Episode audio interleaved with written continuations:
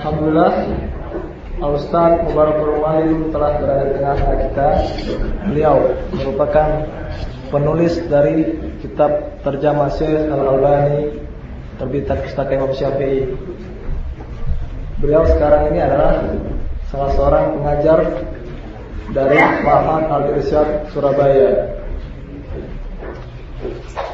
Dan panitia berinisiatif untuk mengundang beliau disebabkan banyak keinginan uh, rasa ingin tahu kita mengenai pribadi ulama kita ulama al sunnah wal jamaah abad ini Syekh Al Albani Alhamdulillah uh, kita bisa mendapatkan bukunya dalam bentuk bahasa Indonesia. Karena banyakkan bukunya tentang Syekh Al Albani dikarang dikarang dalam bahasa Arab saya ingatkan juga kepada ikhwan-ikhwan sekalian agar menjaga adab-adab talibul ilmi. Saya selaku panitia uh, mengingatkan bahwasannya saudara-saudara sekalian di sini cukup beruntung bisa bergabung bersama kami karena kami telah cukup banyak menolak calon-calon peserta yang daftarnya tidak sekilat antum sekalian. Ya. Jadi manfaatkanlah uh, apa kesempatan yang telah Allah berikan kepada saudara sekalian. Gitu ya. Kita telah menghadirkan Ustaz Mubarak dari jauh, gitu kan. Antum juga datang dari jauh. Nah, maka diharapkan tidak ada yang ya semua semangat semua, tetap segar apalagi masih pagi ya dan tidak ngantuk. Uh, saya rasa bisa kita langsungkan saja kepada Ustaz Mubarak uh, Fayyatafadol. Assalamualaikum warahmatullahi wabarakatuh.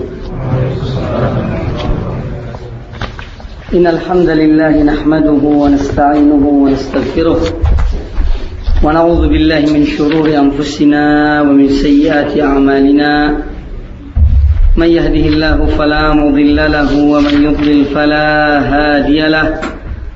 وأشهد أن لا إله إلا الله وحده لا شريك له. وأشهد أن محمدا عبده ورسوله. يا أيها الذين آمنوا اتقوا الله حق تقاته ولا تموتن إلا وأنتم مسلمون.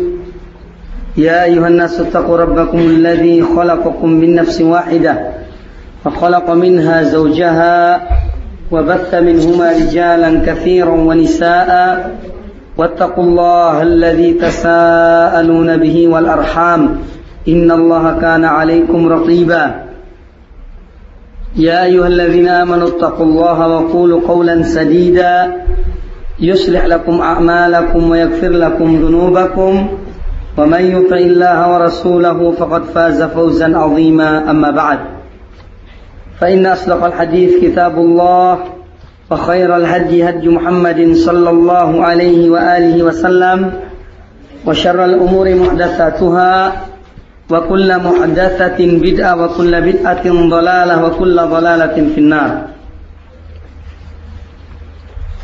Ikhwani wa akhwati fillahi Ikhwani dan akhwat fillah yang saya muliakan. Pada hari ini saya sangat bergembira karena bertemu dengan ikhwan-ikhwan sekalian pada pertemuan yang mudah-mudahan diberkahi oleh Allah Subhanahu wa taala. Karena kita bertemu karena Allah dan berpisah karena Allah kita hadir di sini untuk mendapatkan ilmu dan kajian-kajian yang bermanfaat biiznillahi subhanahu wa ta'ala dan tentunya semuanya itu harus benar-benar didasari oleh keikhlasan kepada Allah Subhanahu wa taala. Karena innamal a'malu binniyat wa innamal likulli imrin ma nawa.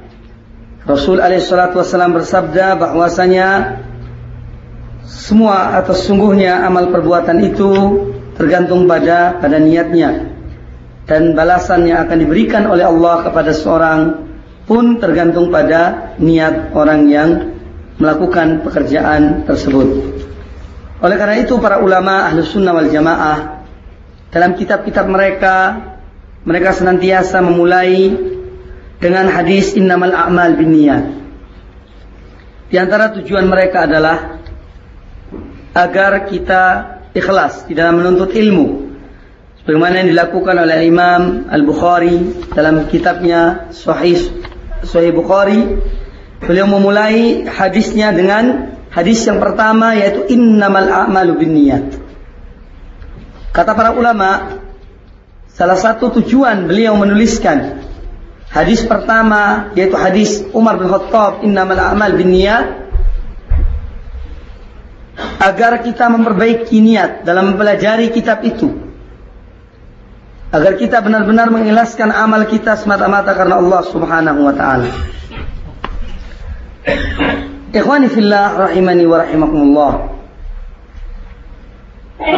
Pada kesempatan daurah ini, mungkin antum pertama kali bertemu dengan saya dan bertemu atau bertatap muka.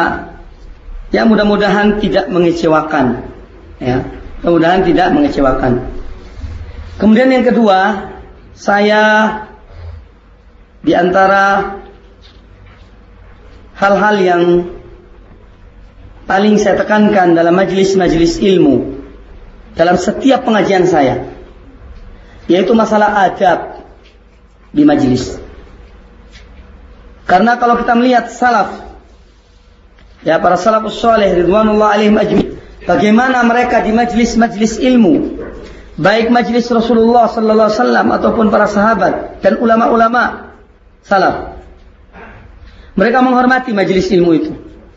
Oleh karena itu, dalam majelis ilmu tidak sepatutnya seorang berbicara dengan temannya tatkala dalam kajian atau tertawa, ya, tertawa sendiri tanpa ada sebab atau ngantuk ya dan lain sebagainya. Ini termasuk ya hal-hal yang harus diperhatikan dalam dalam majelis ilmu. Ya karena orang yang menghormati ilmu Allah akan memberkahi ilmunya.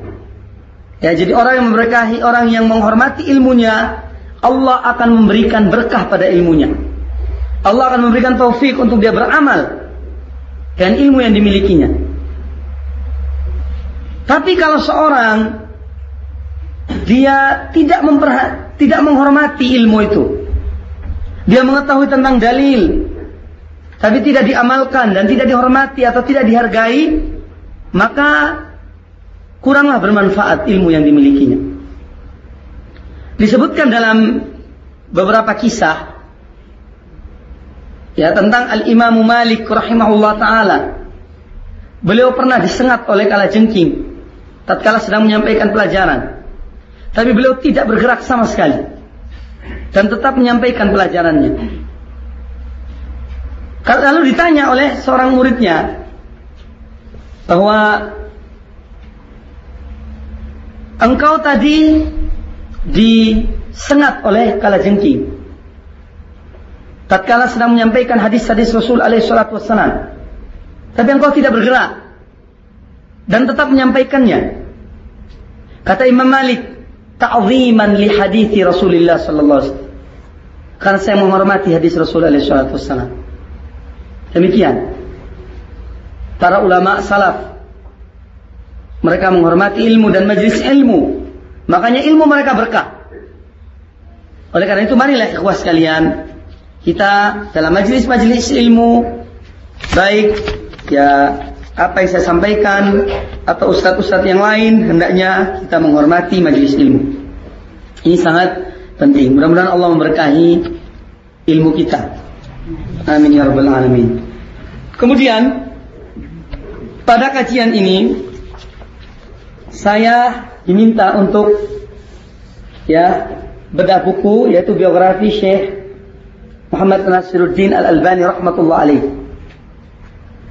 Sebetulnya kalau sekedar membaca ya mudah.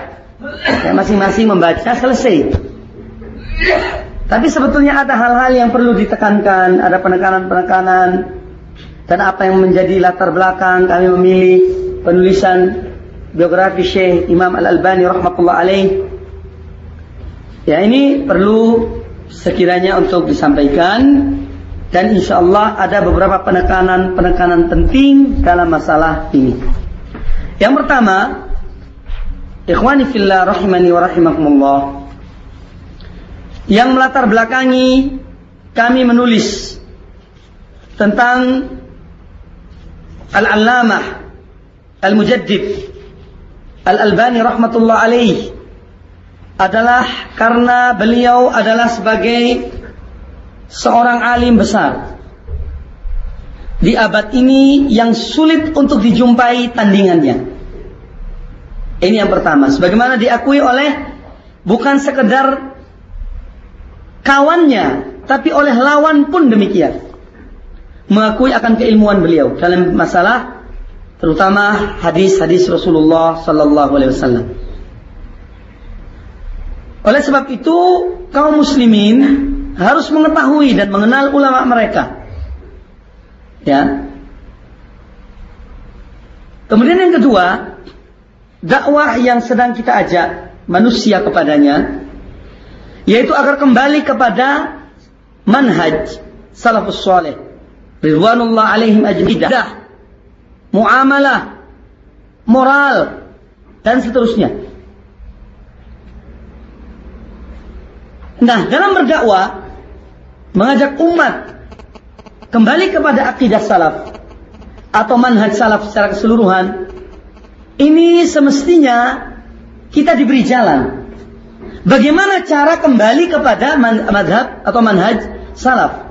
Nah, salah satu jalannya adalah dengan mengenal para ulama-ulama salaf, ya, qadiman wa hadithan Baik yang dahulu maupun yang yang sekarang ini.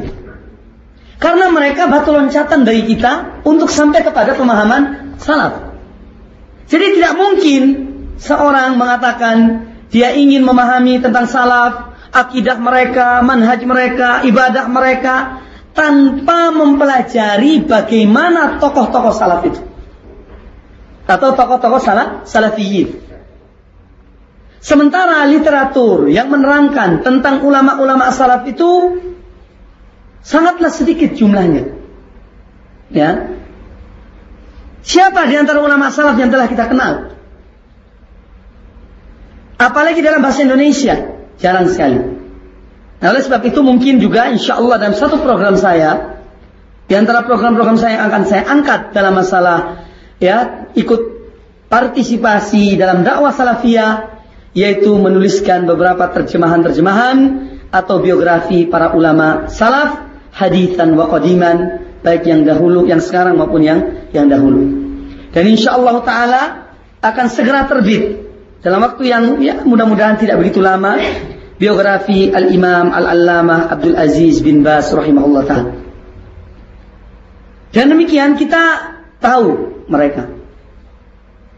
Ya, ini di antara program saya. Mudah-mudahan Allah memberi taufik. Ya, karena menulis biografi itu memerlukan rujukan yang banyak dan juga memerlukan harus harus pelan, tidak tergesa-gesa. Karena buku-buku akan terbit terus ya. Jadi kadang-kadang ada hal-hal yang belum sampai pada kita kemudian kita telah menulis buku itu, ternyata kurang. Jadi memang perlu waktu.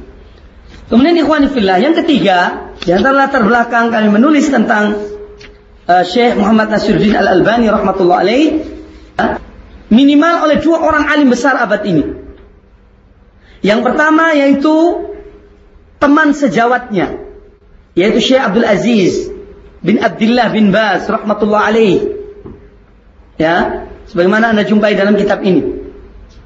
Kemudian juga oleh Syekh Mukbil bin Hadi rahmatullah alaih sebagaimana ditulis dalam risalahnya. Memang risalah ini tidak saya masukkan dalam buku ini. Tapi di sini saya mengkopi di antara pembicaraan atau perkataan uh, Syekh Mukbil bin Hadi rahmatullah alaih. Ya di antara ucapannya beliau mengatakan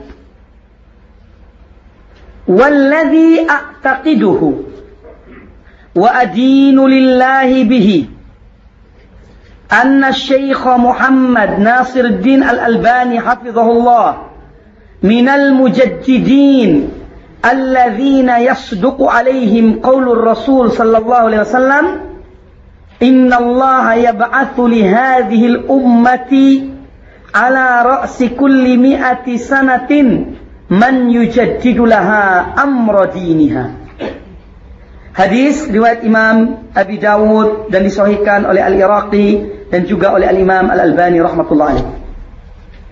Jadi kata Syekh Mukbil bin Hadi rahimahullah taala Walladhi a'taqiduhu.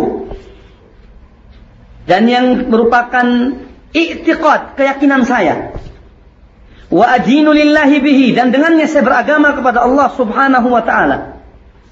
Bahwa Syekh Muhammad Nasiruddin Al-Albani hafizahullah. Waktu itu beliau masih hidup. Dua-duanya masih hidup. Adalah salah seorang di antara mujaddid.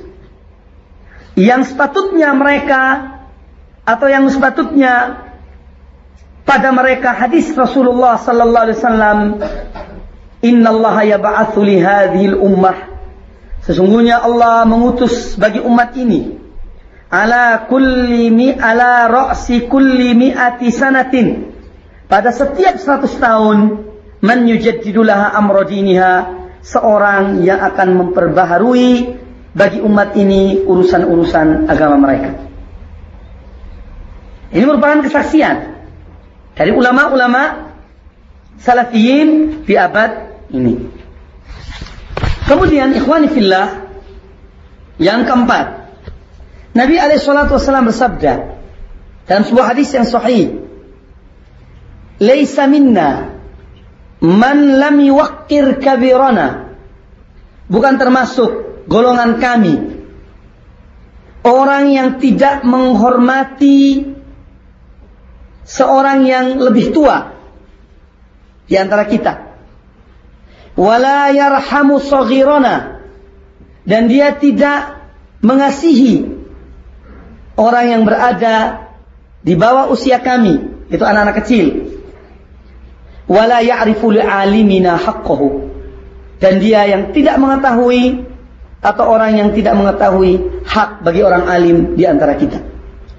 Maka merupakan hak dan kewajiban kami Muhammad Nasiruddin Al-Albani rahmatullah alaih. Kemudian yang terakhir ya bahwa telah terjadi apa yang terjadi yaitu dari orang-orang yang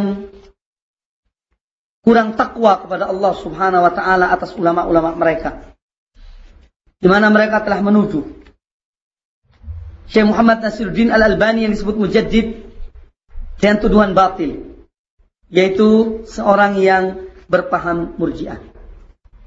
Kaburat kalimatan takhruju min afwahihim in yaquluna illa kadiba. Kalimat itu besar. Kedustaan besar keluar dari lisan-lisan mereka. Ya, apa yang mereka ucapkan itu? Dan apa yang mereka ucapkan itu hanyalah dusta. Ya, beliau ada orang yang sangat jauh dari tuduhan tersebut dan hal itu telah diakui oleh para ulama yang hidup bersamanya. Ya, insya Allah juga kalau ada kesempatan akan kita bacakan beberapa uh, bukti tentang beliau berlepas diri dari pemahaman al-irja atau mur murjiah. Apa sih pemahaman murjiah?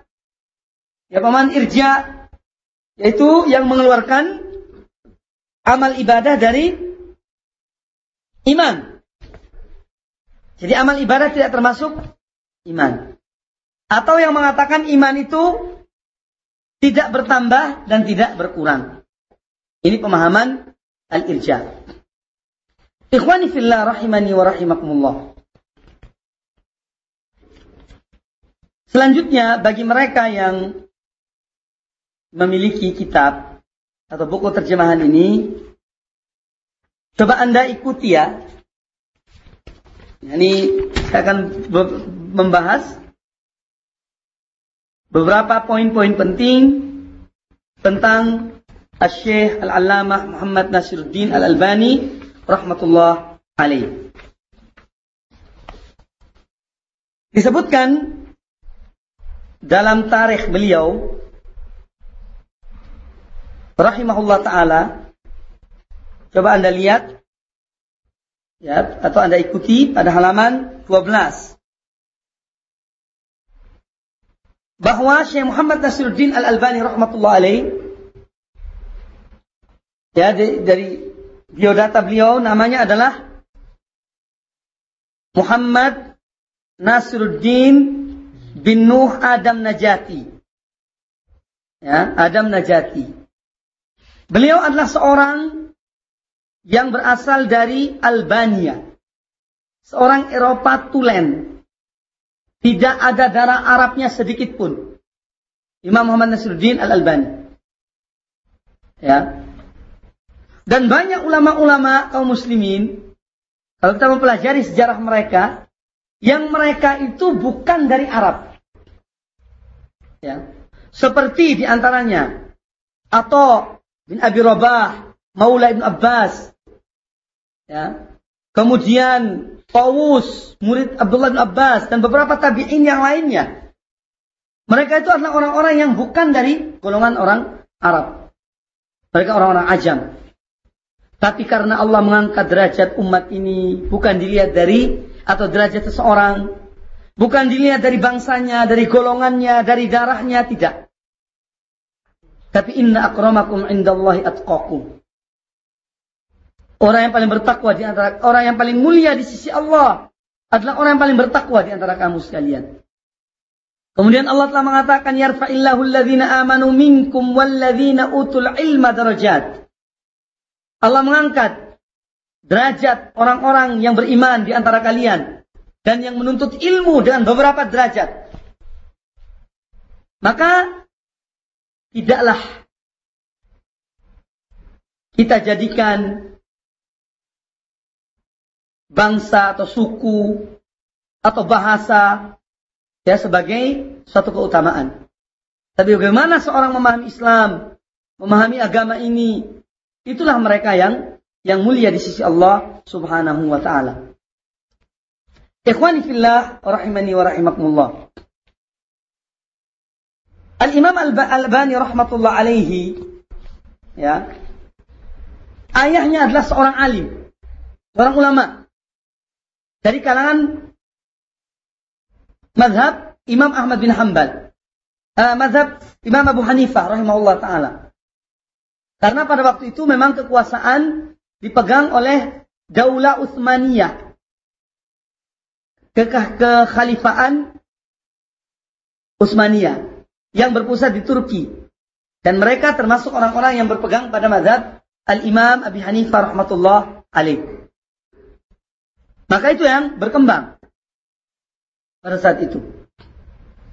Namun, uh, karena melihat apa yang terjadi di Eropa atau Albania pada saat itu, maka ayahnya beriktikad untuk pindah keluar dari Albania. Karena mendapat tekanan-tekanan dari Ahmad Zogo Kata Syekh Al-Albani azzaghullah. Semoga Allah memalingkan hatinya. Karena dia yang permulaan memasukkan undang-undang ala Eropa ya ke negerinya, ke Albania. Oleh karena itu, ayahnya melihat bahwa harus meninggalkan negeri itu. Karena berbahaya bagi agama dan akidahnya serta keturunannya. Akhirnya berpindahlah mereka dan memilih kota yang namanya Damaskus. Kota Syam, di negeri Syam. Nah, ikhwani fillah rahimani wa rahimakumullah. Kata Imam Al-Albani rahmatullah alaih bahwa nikmat yang Allah berikan kepada aku ada dua macam. Di antara nikmat yang Allah berikan kepadanya. Ketika pindah berhijrah dari Albania ke Syam. Ya, nikmat beliau atau nikmat Allah itu banyak kata Syekh Al-Albani rahmatullah alaih, tapi yang sangat dirasakan itu adalah dua hal. Yang pertama, hijrah mereka dari Albania ke negeri Syam. Di sana kata beliau saya memahami bahasa Arab. Ya. Di sana saya belajar bahasa Arab dan saya mengenal bahasa Arab. Makanya kata Imam Al-Albani rahmatullah alaih bahwasanya ya, dengan mempelajari bahasa Arab atau dengan pindahnya kami ke negeri Arab, yaitu ke Syam, di sanalah saya bisa mempelajari bahasa Arab. Yang mana bahasa Arab itu merupakan bahasa untuk memahami Al-Quran dan Sunnah Rasul Alaihissalam. Dan tidak mungkin kata beliau seorang bisa memahami Quran dan hadis kecuali dengan memahami bahasa Arab. Maka ikhwani fillah rahimani wa rahimakumullah. Apabila kalian memang ingin benar untuk memahami Islam dari sumbernya, ya, dari Al-Quran dan Sunnah, bahasa Arab, maka belajarlah bahasa Arab. Belajarlah bahasa Arab. Dan antum akan meng, me, bisa membedakan. Ya, ketika membaca kitab terperbedaan. Ya, dan nikmatnya memahami Islam itu dengan bahasa bahasa Arab. Harus demikian. Sekarang ada satu pertanyaan. Di India itu banyak ulama-ulama hadis. Banyak ulama-ulama hadis. Dan mereka meriwayatkan para perawi-perawi hadis yang terkenal sampai abad ini. Itu apa sebabnya? Disebutkan oleh para ulama di antara sebabnya karena mereka memahami atau mempelajari bahasa Arab dengan sebenar-benarnya. Betul-betul mendalami bahasa Arab itu. Maka timbulnya ulama-ulama besar yang pandai menulis dalam bahasa bahasa Arab. Kitab-kitab mereka dengan bahasa Arab. Karena mereka mendalami bahasa bahasa Arab. Sementara di negeri kita, coba kita lihat siapa di antara ulama kita yang memiliki kitab-kitab bahasa Arab yang ditulis dengan bahasa Arab. Selain Al-Imam An-Nawawi Al-Bantani yang punya tafsir ya, itu mungkin yang paling dikenal. Adapun ulama-ulama sekarang bahkan Hamka sendiri misalnya kalaupun dikategori sebagai seorang alim yang ngerti bahasa Arab, mana karya-karya berbahasa Arab? Semua dalam bahasa Indonesia. Oleh karena itu salah seorang murid Al-Imam Al-Albani yaitu Ihsan Ilahi Zahir rahimahullah taala yang dibunuh oleh oleh Syiah. Dibom waktu itu. Karena dia menentang Syiah dan karya-karyanya banyak tentang Syiah. Dia mengatakan, saya ini pandai banyak bahasa. Ya, bahasa Urdu, bahasa Inggris, ya, bahasa Parsi, dan bahasa Arab. Tapi saya tidak mau menulis kitab-kitab saya kecuali dengan bahasa Arab kata beliau. Makanya karya-karyanya kurang lebih hampir 20 karya sebelum dia meninggal itu dalam berbahasa Arab. Nah, demikian para ulama, tidak ada ulama yang kalau dikatakan ulama yang tidak mengerti bahasa Arab. Oleh karena itu, barang siapa yang ingin memahami Islam, ingin menjadi seorang alim di antara ulama, ingin berkhidmat kepada dakwah salafiyah, maka dia harus mempelajari bahasa Arab. Dan Anda jangan merasa merasa apa namanya terlambat. Ya, terutama bagi mereka yang masih muda. Kalau mungkin yang sudah agak umur ya mikir ya sulitlah.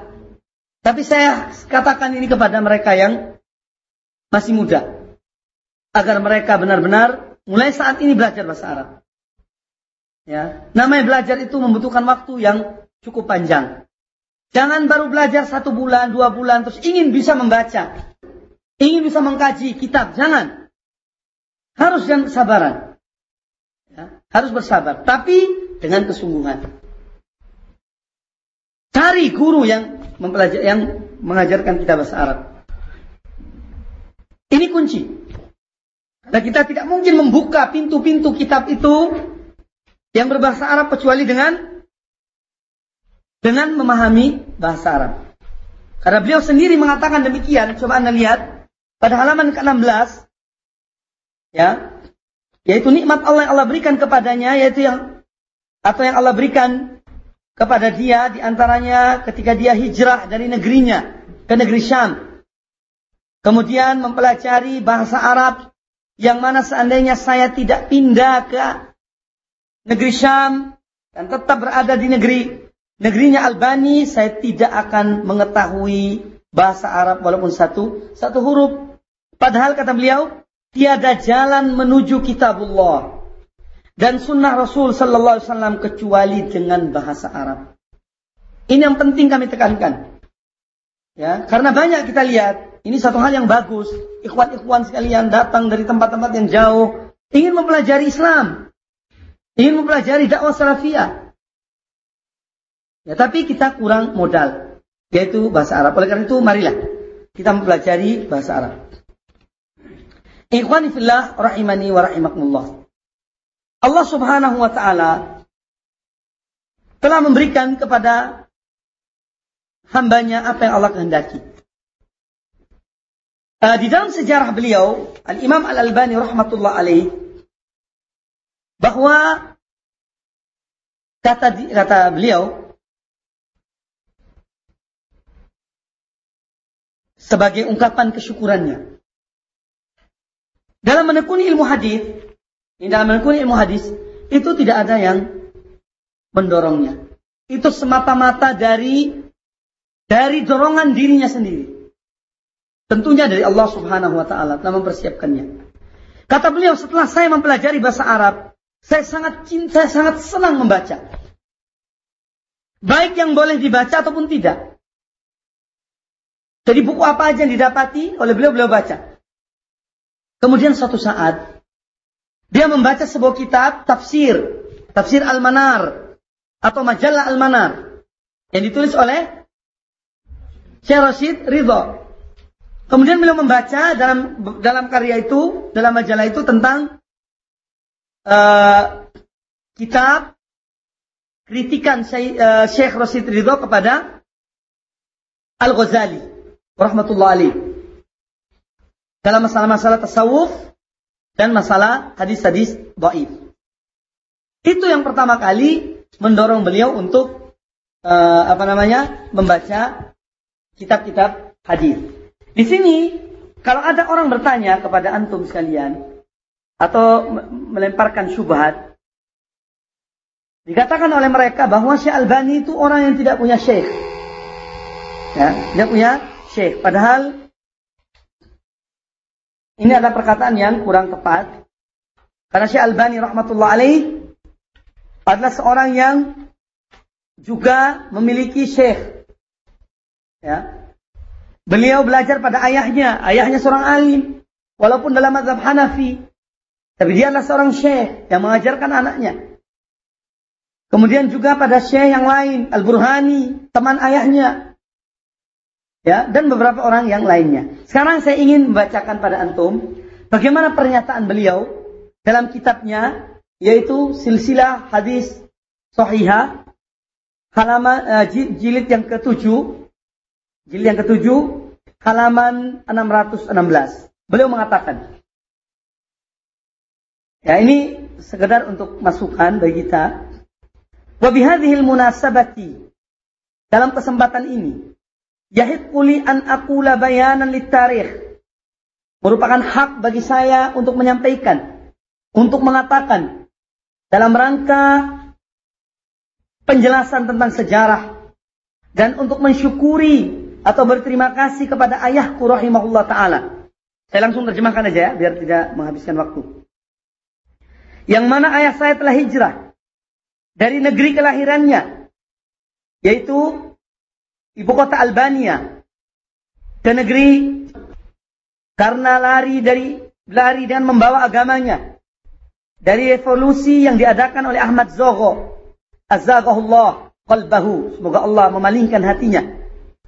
Yang mana dia telah memulai ya mengikuti jejak pendahulunya yaitu Kamal Ataturk dalam memasukkan sekularisme ke dalam uh, apa negeri Albania maka dengan rahmat Allah dan karunia Allah Subhanahu wa taala dan dengan disebabkan karena ayah saya hijrah ke negeri Syam yang mana seandainya Aku diberi oleh Tuhanku umur.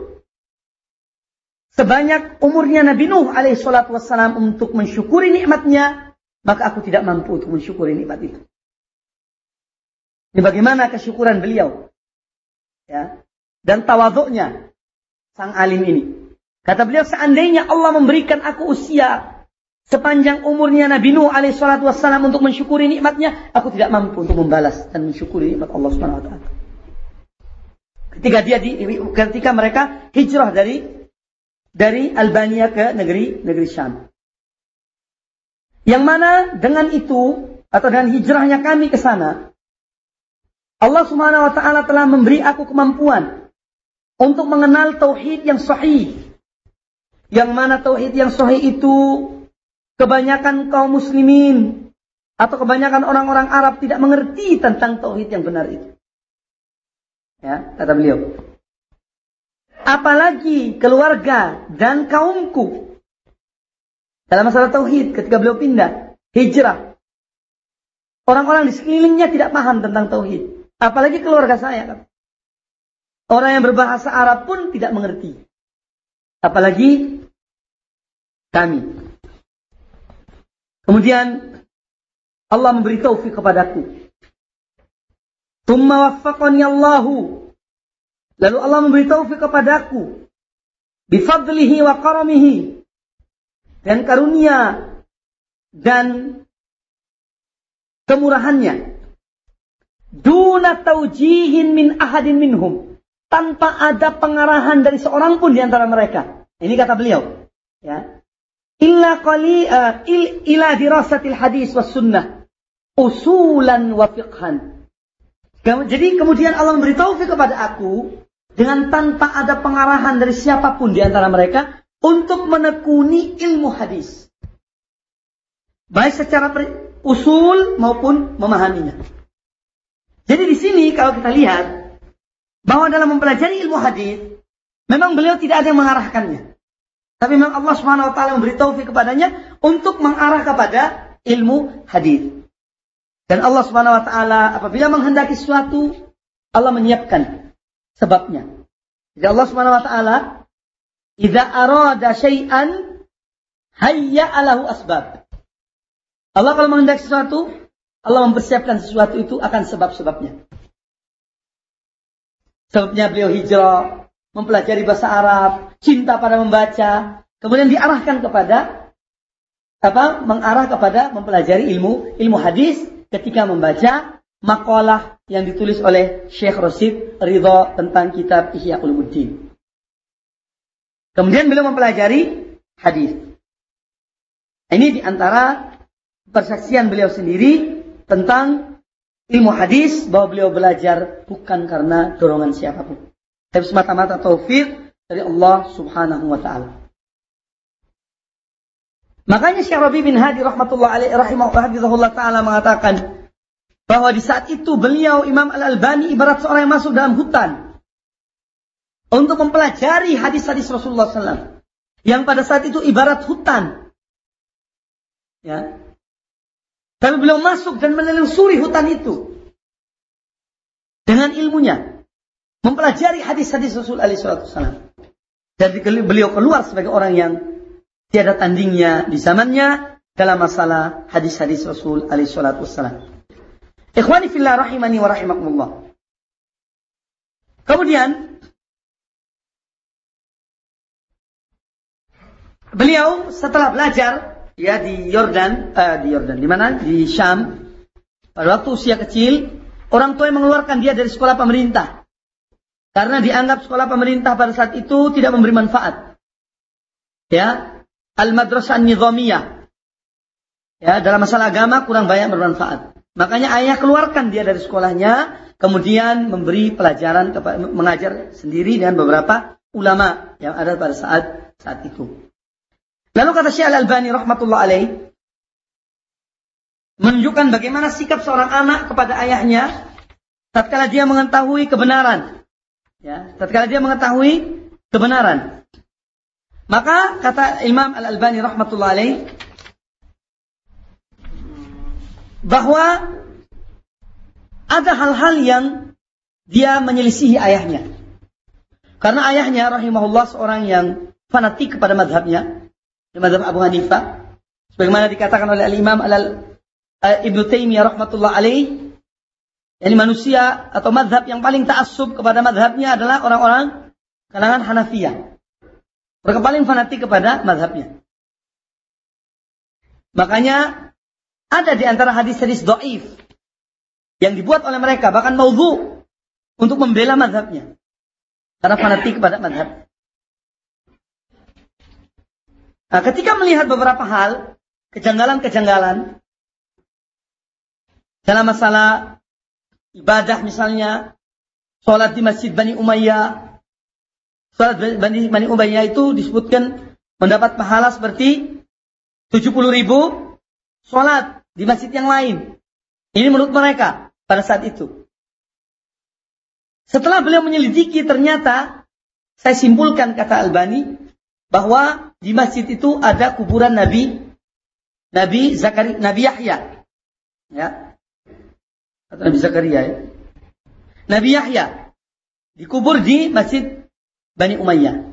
Maka saya simpulkan kata beliau bahwa sholat di masjid itu tidak dibolehkan. Hal ini beliau sampaikan kepada Syekh Al-Burhani, teman ayahnya. Dengan membawakan beberapa dalil bahwa sholat di masjid ini tidak dibolehkan. Yang akhirnya Syekh Al-Burhani menolak. Bahwa apa yang dikatakan itu atau buku-buku rujukannya itu tidak tidak menjadi rujukan kami kata beliau. Padahal tidak demikian. Intinya bahwa akhirnya Al-Albani tidak mau sholat di belakang ayahnya. Atau di belakang madhab Hanafi. Dan beliau memilih sholat di belakang madhab syafi'i. Karena di masjid itu ada peraturan pada zaman itu bahwa sholat berjamaah diadakan dua kali. Ya. Yang pertama madhab Hanafi, kemudian madhab syafi'i. Al-Albani melihat bahwa yang lebih banyak cenderung sesuai dengan sunnah Rasul yaitu dari madhab syafi'i. Kemudian yang kedua alasan yang lain disebutkan juga bahwa uh, apa namanya bahwa Eh, bahwa beliau tidak melihat adanya sholat berjamaah dua kali dalam satu masjid. Kalau sudah sholat berjamaah sekali ya sudah selesai. Akhirnya orang-orang yang melihat Al Albani rahmatullah alaih demikian perlakuannya, mereka sampaikan kepada ayah. Sampaikan pada ayahnya bahwa anaknya begini dan begitu. Yang akhirnya ayahnya memutuskan untuk memilih dua pilihan. Immal muwafaqah, immal mufarokoh. Kata ayahnya, pilih antara dua, wahai anakku. Kamu sesuai dengan saya, ikut, ikut mazhabku atau keluar dari rumah ini. Antara dua pilihan yang diberikan oleh ayah kepada Syekh Al-Albani. Allah Subhanahu wa taala memberikan ya dengan adab dan akhlak. Ya ini juga nanti akan kita tekankan masalah akhlak dan adab. Kadang-kadang seorang anak berselisih dan orang tuanya dalam masalah-masalah dakwah misalnya atau pemahaman, maka kepada ikhwas kalian, jangan kalian kasar kepada orang tua kalian. Berkatalah dengan baik kepada mereka. Bersabarlah terhadap mereka. Banyak di antara ikhwan-ikhwan kita, ya, atau ya tidak semua, ada di antara mereka yang kadang-kadang kurang berakhlak. Karena memikirkan, karena dia yakin bahwa dia berada pada manhaj yang benar dan orang tuanya fi mubin ya dalam kesesatan yang nyata kemudian mereka berakhlak dan yang jelek pada orang tuanya keluar dari rumah tanpa izin kadang-kadang mengeluarkan kata-kata yang tidak pantas ini adalah satu perbuatan yang mungkar ya makanya kita lihat contoh di sini Al Imam Al Albani rahmatullah alaih Ya, meskipun harus ber, harus berpisah dengan orang tuanya. Tapi dia tetap menjaga adab pada orang tuanya. Ketika ditawarkan untuk keluar dari rumahnya oleh orang tuanya, dia mengatakan, "Saya tolong diberi kesempatan untuk saya berpikir." Lalu beliau berpikir dan mengambil keputusan untuk keluar dari dari rumah orang tuanya. Tapi dengan cara yang baik, bukan dengan akhlak yang su, yang jelek, dan beliau merasa bermanfaat.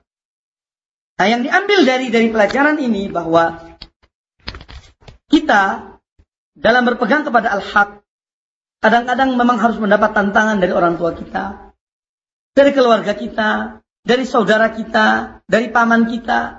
Dan ini termasuk sunnatu, sunnatullah pada para rasul-rasul Allah. Kemudian ulama yang datang setelah mereka. Ya.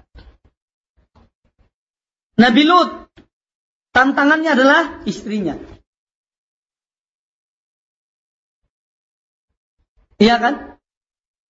Nabi Ibrahim tantangannya adalah ayahnya. Rasul alaihissalam pamannya.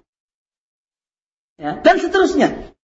Maka di dalam kita berpegang pada al-haq, mesti kita itu mendapat tantangan. Dan siapa penentangnya? Ya keluarga. Ya, keluarga. Maka kita diberi pilihan. Namun hendaknya dalam masalah ini, ya, apalagi di zaman saat zaman sekarang, hendaknya kita itu rifuk. Lemah lembut pada orang tua kita, atau saudara kita, atau paman kita. Ya, saya pernah berbicara atau mendengar sendiri. Ini ini Ya, memang dalam membicarakan tentang sejarah, kita ambil kudwa dari kejadian-kejadian itu.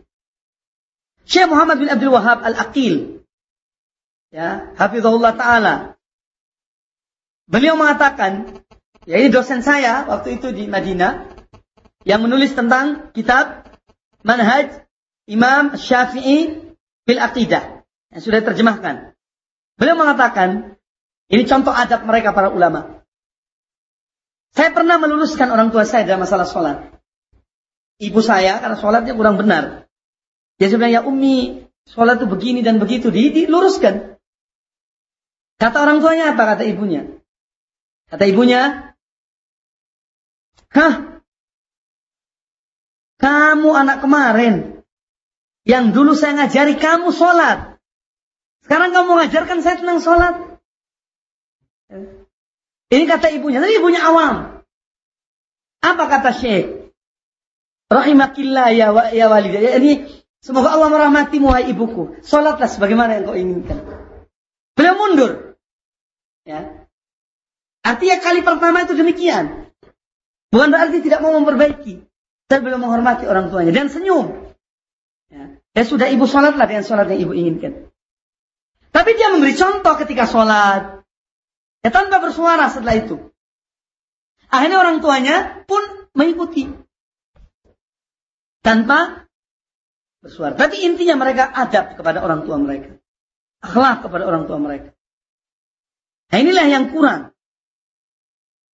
Ya, kurang kita pegangi zaman ini. Karena kembali kepada salaf.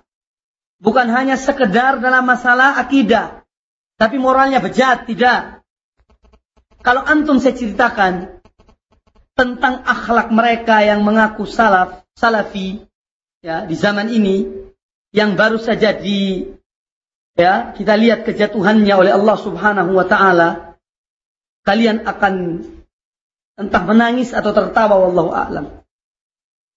Bagaimana bejatnya moral orang-orang yang mengatakan diri mereka salafi, Orang tuanya ditabrak mobil, patah kakinya, dia pergi ke Jakarta. Ya. Dipanggil orang tuamu, ibumu sakit. Urusan sendiri, saya sedang muktamar Jakarta. Ya. Ada lagi di antara mereka terjadi perselisihan antara suami dan istri. Kemudian apa diperlakukan pada istrinya? Diambil baikon disiram pada istrinya. Ditampar mulutnya. Semua itu telepon masuk ke saya. Demikian bejatnya. Ya. Tapi alhamdulillah Allah selamatkan kami dari orang-orang seperti itu. Ya, alhamdulillah rabbil alamin. Ini di antara moral kebejatan mereka. Tapi tetap ngotot salafi, salafi, salafi. Wallahi salafi bari. Salafiyah berlepas diri dari orang-orang bermoral seperti itu. Ya. Naudzubillah min dalik. Maka Islam dan akhlak tidak bisa dipisahkan. Salaf dan akhlak tidak bisa dipisahkan. Ya. Oleh karena itu, ikhwani fillah rahimakumullah, Akhlak tetap harus dipertahankan. Moral harus dijaga. Terutama terhadap kedua orang tua. Pada famili kita, keluarga kita. Karena seorang da'i. Mereka itu dengan akhlak. Allah membuka hati-hati manusia dan akhlak mereka.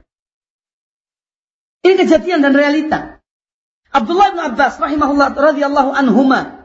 Abdullah bin Abbas ketika terjadi dialog, waktu dia akan pergi berdialog dengan pardon, ketika beliau akan pergi berdialog dengan orang-orang Khawarij itu ditegur oleh Ali bin Abi Thalib radhiyallahu an, Amirul Mukminin. Kata Ali bin Abi Thalib, saya khawatir kamu akan dibunuh oleh mereka, orang Khawarij. Apa jawaban Abdullah bin Abbas? Dia bilang tidak, karena saya orang yang berakhlak mulia. Kata Abdullah bin Abbas. Jadi bagaimana akhlak mulia yang dimiliki oleh Abdullah bin Abbas telah menyelamatkan dia dari kejahatan orang-orang Khawarij. Bahkan ketika terjadi dialog dengan mereka, sekian ribu di antara mereka kembali kepada jalan yang yang benar. Modalnya apa? Selain ilmu, akhlak. Ini Abdullah bin Abbas. Ya. Maka tidak bisa dipisahkan. Al-akhlak tidak bisa dipisahkan. Dan dakwah salafiyah. Tidak bisa dipisahkan. Ikhwani fillah rahimani wa rahimakumullah. Kemudian kita lanjutkan. Ya, memang saya terus terang ya dalam masalah ini tidak hanya sekedar kalian membaca, karena baca kalian bisa membaca semuanya. Makanya ada poin-poin tertentu yang ingin saya sampaikan.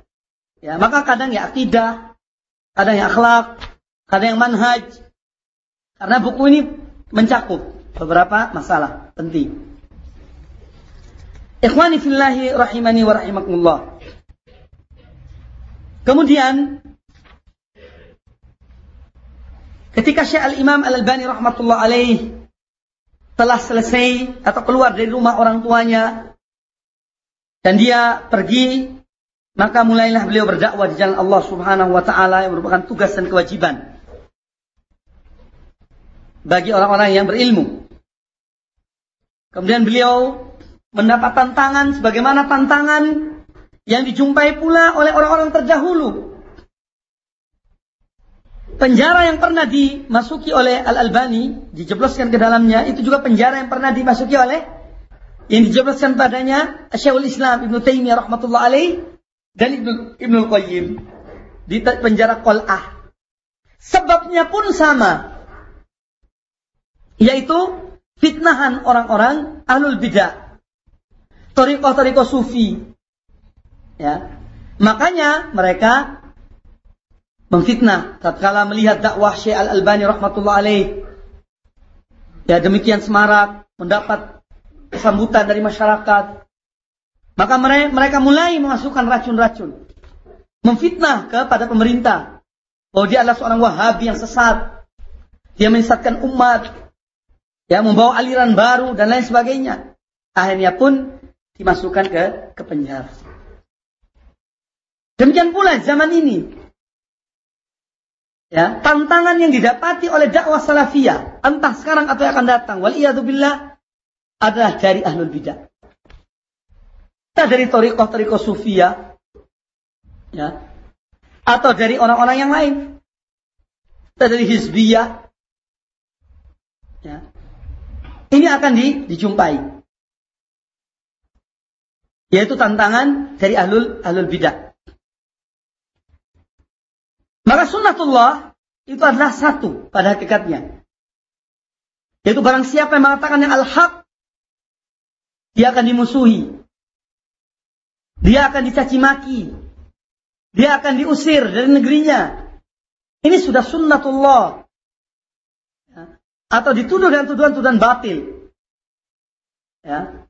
Apabila orang itu mengatakan al-haq. Tapi seorang da'i harus benar-benar yaitu bersabar. Fasabrun jamil wallahu musta'an. Harus bersabar dengan baik. Dan hanya kepada Allah kita mohon pertolongan pertolongan dari Allah Subhanahu wa taala. Ikhwani fillah rahimani wa rahimakumullah.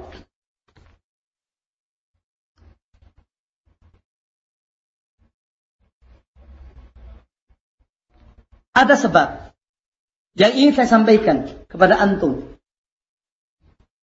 Mengapa ahlul bidah itu memusuhi dakwah salafiyah atau dakwatul haq? Sebab yang pertama adalah karena mereka sudah terpandang di masyarakat. Ya, orang-orang ini sudah dihormati di masyarakat. Mereka punya pengikut. Oleh sebab itu, kalau mereka akan mengatakan yang hak, menerima yang hak ini, otomatis harus mengorbankan kedudukan mereka di tengah-tengah masyarakat.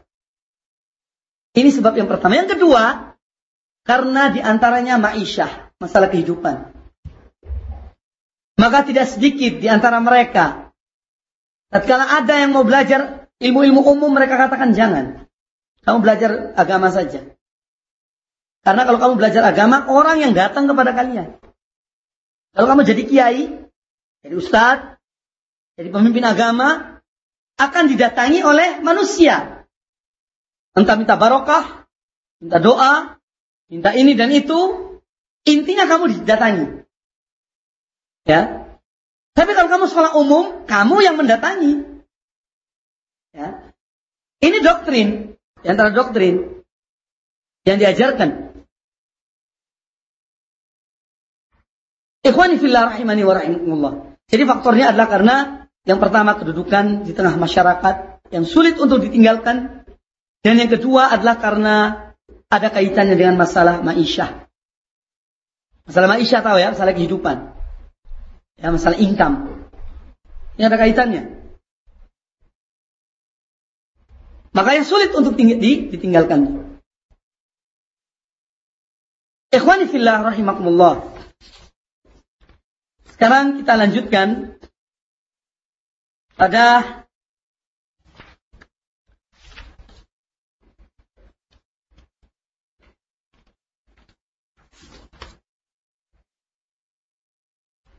majelis ilmu.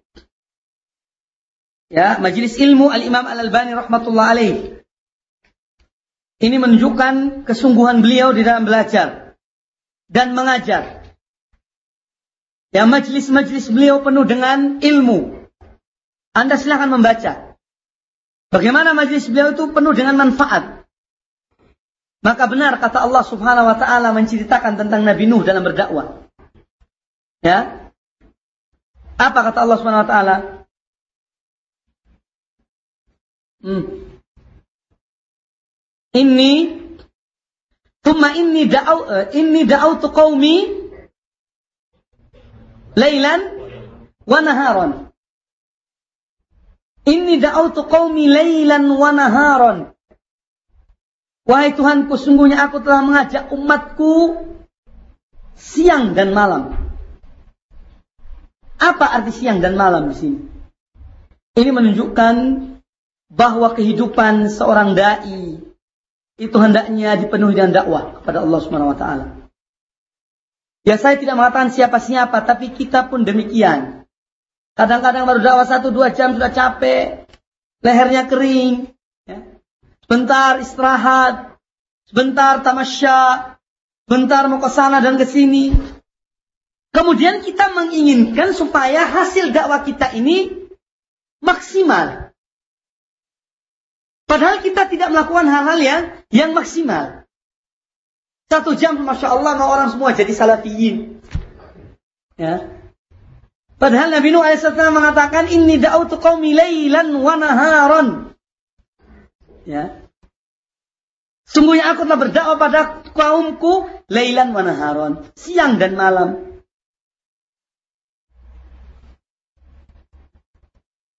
Thumma inni da'autuhum jiharan. Thumma inni asrartu lahum israran. Baik dengan terang-terangan sudah dilakukan.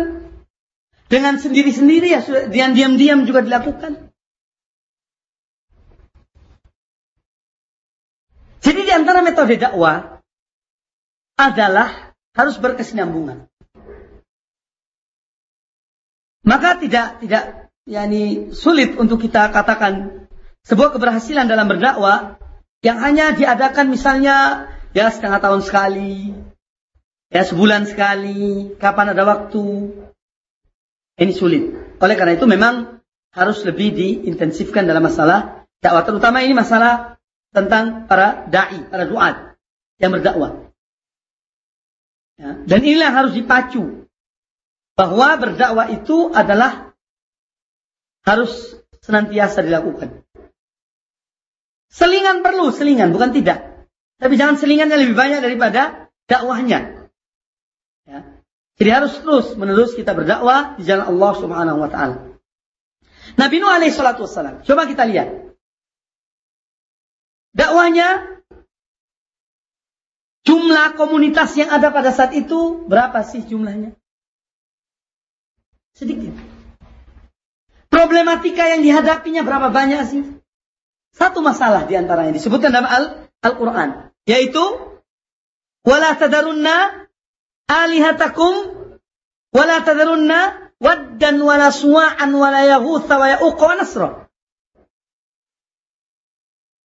Problematika yang dihadapi oleh Nabi Nuh dan komunitas yang sangat sedikit itu dalam masalah bagaimana mereka itu cinta kepada wali limo.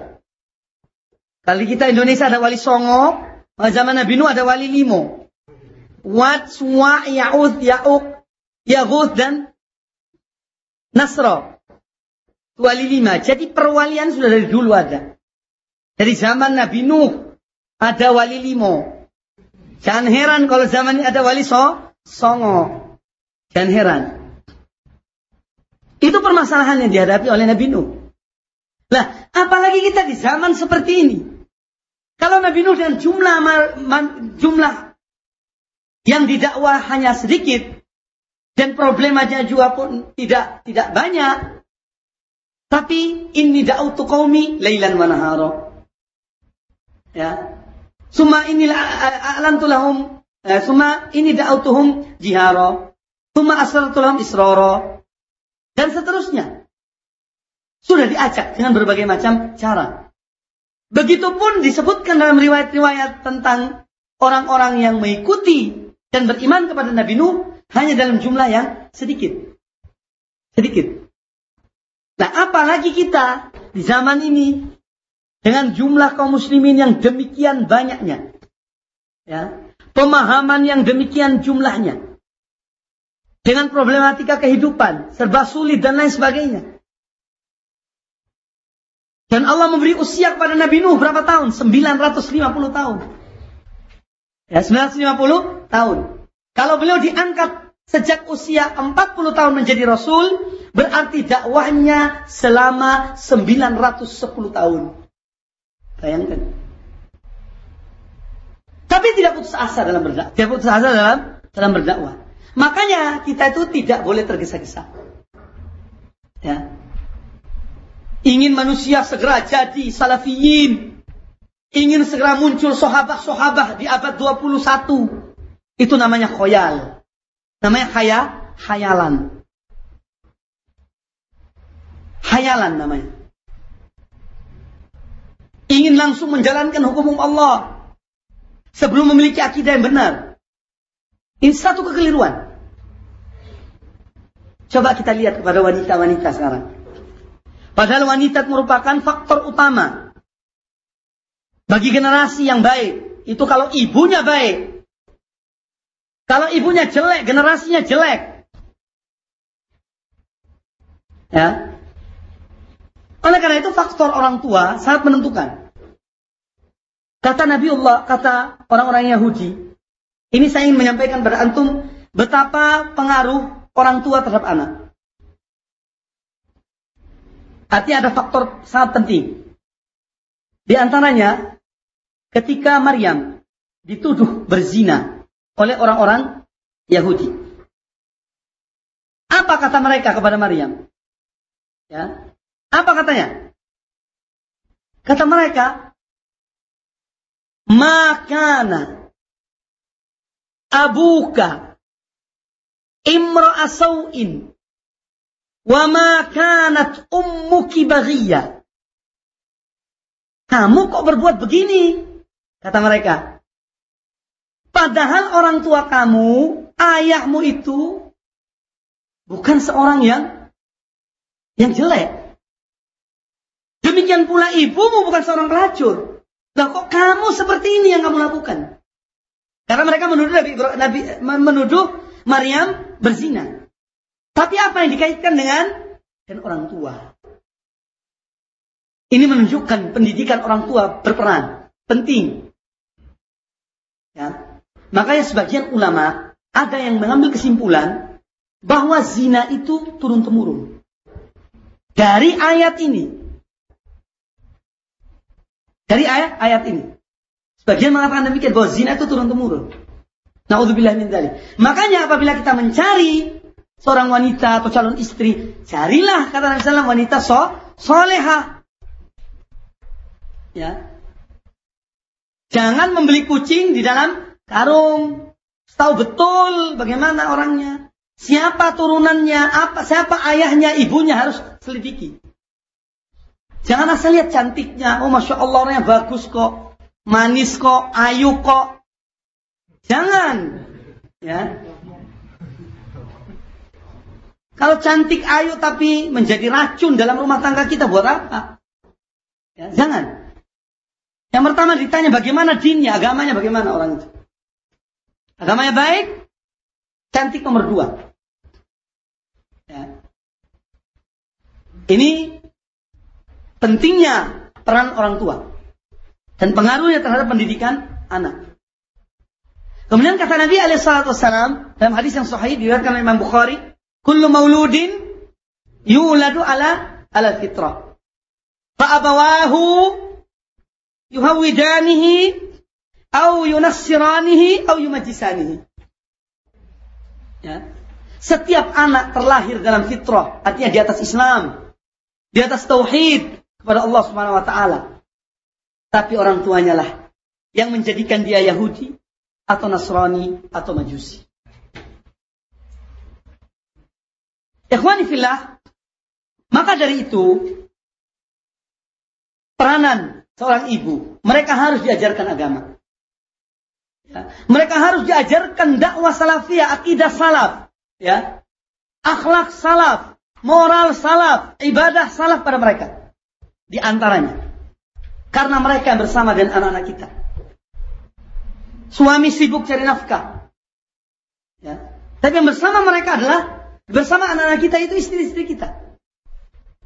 Maka harus mereka diajarkan kita bertanggung jawab untuk mengajarkan mereka akidah salaf, ibadah salaf, akhlak dan moral salaf supaya diajarkan pada mereka. Adab-adab bagaimana dalam majelis makan dan minum, masuk rumah dengan salam, keluar rumah, ya dihafalkan ayat-ayat pendek, surat-surat pendek, itu sejak kecil harus. Nah kalau ibunya tidak bisa ngaji, apa mau diajarkan pada anaknya? Sementara anaknya lari ke tetangga nonton televisi. Pulang cerita, Bu, saya lihat ini dan itu. Ya. Oleh karena itu, kalau kita lihat sekarang ini faktor yang sangat menentukan juga dalam masalah dakwah dan pendidikan, yaitu harus istri-istri kita memahami tentang akidah dan manhaj salaf dan akhlak moral salaf. Agar mereka betul-betul mendidik generasi yang berakhlak dan bermoral. Ikhwani fillah rahimani wa rahimakumullah. Kemudian yang selanjutnya yang perlu kita angkat pula dalam masalah yang telah dicontohkan oleh Imam Al-Albani rahmatullah alaih. Selain waktunya yang demikian banyak untuk berdakwah kepada Allah Subhanahu wa taala bahwa Hal yang perlu dicontoh adalah ketekunan beliau. Anda silakan membaca kisah dalam kitab ini tentang sebuah kertas yang hilang. Ya, telah mendorong beliau membaca 10 ribu manuskrip karena satu lembar kertas yang hilang. Karena satu lembar kertas. Padahal pada saat itu beliau sedang sakit, matanya sakit, kata dokter tidak boleh membaca. Tapi dengan karunia Allah, ya di saat sakit itu beliau tidak tahan untuk bersikap diam. Beliau bosan, sumpah di rumah. Kalau hanya sekedar diam. Hanya disuruh seorang untuk menulis. Satu, untuk menulis, menukil satu manuskrip. Ya, satu manuskrip. Kemudian orang itu mengatakan pada beliau bahwa ada kekurangan. Dalam manuskrip itu satu eh, kira-kira ada kekurangan. Lalu Al Albani mengapa memeriksa, kata beliau saya saya duga kekurangan itu hanya satu lembar yang kurang dari manuskrip tersebut. Akhirnya beliau membaca, mencari ke pustaka uh, apa? Al-Zahiriyah, Maktabah Zahiriyah. Dari satu bab ke bab yang lain, dari satu kumpulan-kumpulan kitab kepada kumpulan yang lain, sampai membaca seluruh manuskrip yang ada di situ, dan sampai tiga kali bacaannya. Membaca tiga kali. Yang mengeluarkan 40 jilid kamus atau mu'jam al-hadith an-nabawiyah. 40 jilid kitab. Makanya kata beliau, saya memenuhi karya-karya saya dengan hasil yang bacaan itu. Ya. Ini keuletan beliau di antaranya. Yang harus dicontoh. Ya. Kita baru baca satu lembar, dua lembar capek, ngantuk, malas. Ya. Maka sulit untuk kalau kita tidak memaksakan diri kita ya, jihadun nafs, melawan nafsu ini sulit untuk kita bisa mendapat ilmu sebanyak mungkin. Ya. Sekarang masalahnya tinggal membaca. Antum mau baca apa tidak? Kalau tidak bisa bahasa Arab, terjemahan banyak. Ya. Tiada rotan ya, kayu akar pun jadi, gitu saja intinya. Kalau belum bisa bahasa Arab ya baca bahasa Indonesia. Cari buku-buku yang berbobot, yang bermutu. Untuk di, dikaji. Ikhwani fillah rahimakumullah. Kemudian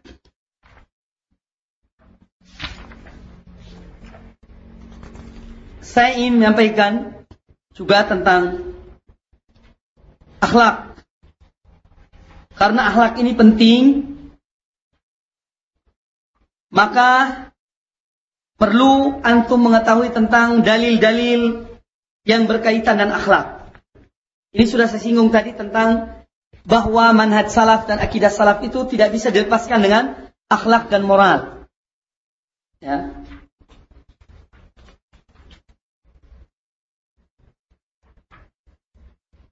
Di antara akhlak-akhlak Al-Imam Al-Albani rahmatullah alaih disebutkan adalah beliau seorang yang sungguh-sungguh dalam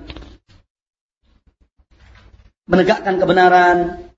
Kemudian beliau juga orang yang tawadhu, ya, orang yang lapang dada ketika diingatkan, yang berakhlak mulia, dan Beliau orang yang senang kembali kepada al-haq. Apabila melihat satu ke, melakukan satu kesalahan kemudian diingatkan, beliau segera kembali kepada al-haq. Nah, di antaranya juga ya, karya ada sebuah tulisan yang ditulis tentang buku Taraju Al-Allama Al-Albani fi nassu alaihi tashihan wa tadhifan. Sering beliau mengatakan bahwa al-ilmu la yakbalul jumud. Ilmu itu tidak mengenal kejumudan. Artinya, seorang dalam berijtihad kadang-kadang hari ini berkata A, bisa jadi besok dia berkata B. Sesuai, sesuai dengan ilmu yang ada dan yang didapatinya. Nah, beliau juga di antara sifatnya adalah kembali kepada al-haq. Oleh karena itu apabila beliau mengetahui bahwa itu salah, diingatkan beliau segera kembali. Dalam tashih dan tad'if, dalam menguatkan dan melemahkan hadis pun demikian. Ya. Hadis yang dulunya disohikan, kemudian setelah beliau memeriksa, ternyata ada yang baif, atau yang sahih, apa, yang tadinya baif, kemudian ternyata sahih, ya kembali kepada yang sahih. Artinya kembali mensohihkan. Atau yang tadinya sahih, ternyata setelah diteliti menjadi baif, maka beliau kembali untuk membaifkannya. Ini di antara ada sebuah buku Dikumpulkan di sini ada kurang lebih ya 100 lebih hadis yang beliau sohihkan atau doifkan. Ya, setelah sohih menjadi doif, setelah doif menjadi sohih. Sini sebutan ada 222 hadis. Nah, ini perlu juga dimiliki dan alhamdulillah sudah difotokopi di Bandung ini mungkin sebagai rujukan oleh Ustadz Abu Haidar Ini penting karena kadang-kadang kita masih memakai perkataan lamanya dalam satu hadis ternyata dhaif, kita katakan sahih atau sahih dikatakan dhaif. Ini perlu kembali kepada rujukan. Ini apakah beliau tetap mensahihkan atau dhaifkan? Ini perlu rujukan. Kemudian ikhwani fillah rahimani wa rahimakumullah berkaitan dengan akhlak. Ya.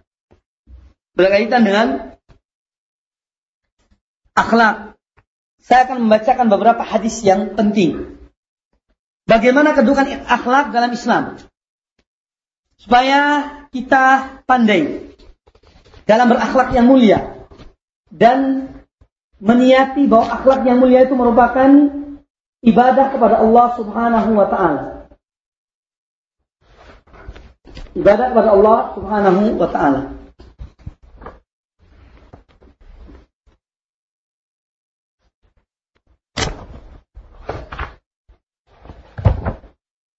Dalam bab husnul khuluq ya disebutkan beberapa hadis tentang akhlak yang mulia. Ya, dan kedudukan akhlak dalam Islam.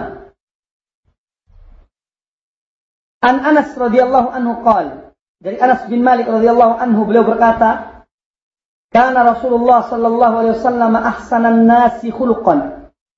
Adalah Rasulullah SAW manusia yang paling baik akhlaknya. Rasul alaihi wassalam. Sesuai dengan firman Allah dan Al-Qur'anul Karim surat Nun atau Al-Qalam ayat keempat. Wa innaka la'ala khuluqin azim. Kemudian hadis yang lain Rasul alaihi salatu wassalam bersabda ya tentang akhlak ma min syai'in أثقل في ميزان المؤمن يوم القيامة من حسن الخلق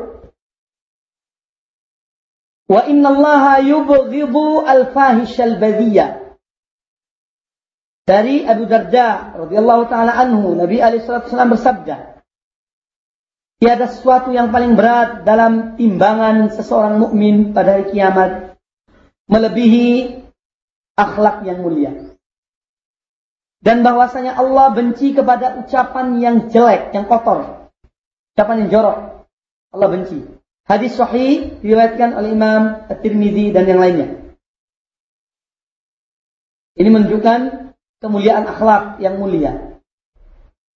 Kalau akhlak itu diperintahkan oleh Rasul alaihissalam oleh Allah Subhanahu wa taala, maka yang paling pantas untuk kita berakhlak mulia di antara adalah istri-istri kita.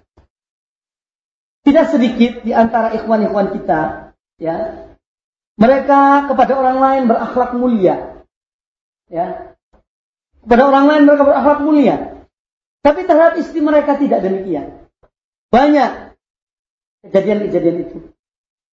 Ini tidak sepatutnya. Ya, coba kita ingat ya. Ketika kita pulang, kita sudah siapkan makan, pakaian kita dicucikan, ya. Dia yang memberi kasih, sayang kepada kita, menghibur ketika kita sulit dalam keadaan kesulitan. Nah kenapa kok akhlak kita jelek pada pada istri? Tapi pada orang lain, masya Allah ramahnya luar biasa. Sama istri kita berakhlak yang kurang bagus. Ya, padahal Nabi Alaihissalam mengatakan apa? Ya, khairukum khairukum linisaihi Wa ana khairukum nisa'i. Orang yang paling baik di antara kalian adalah orang yang paling baik kepada istrinya. Yang paling bermoral pada istrinya.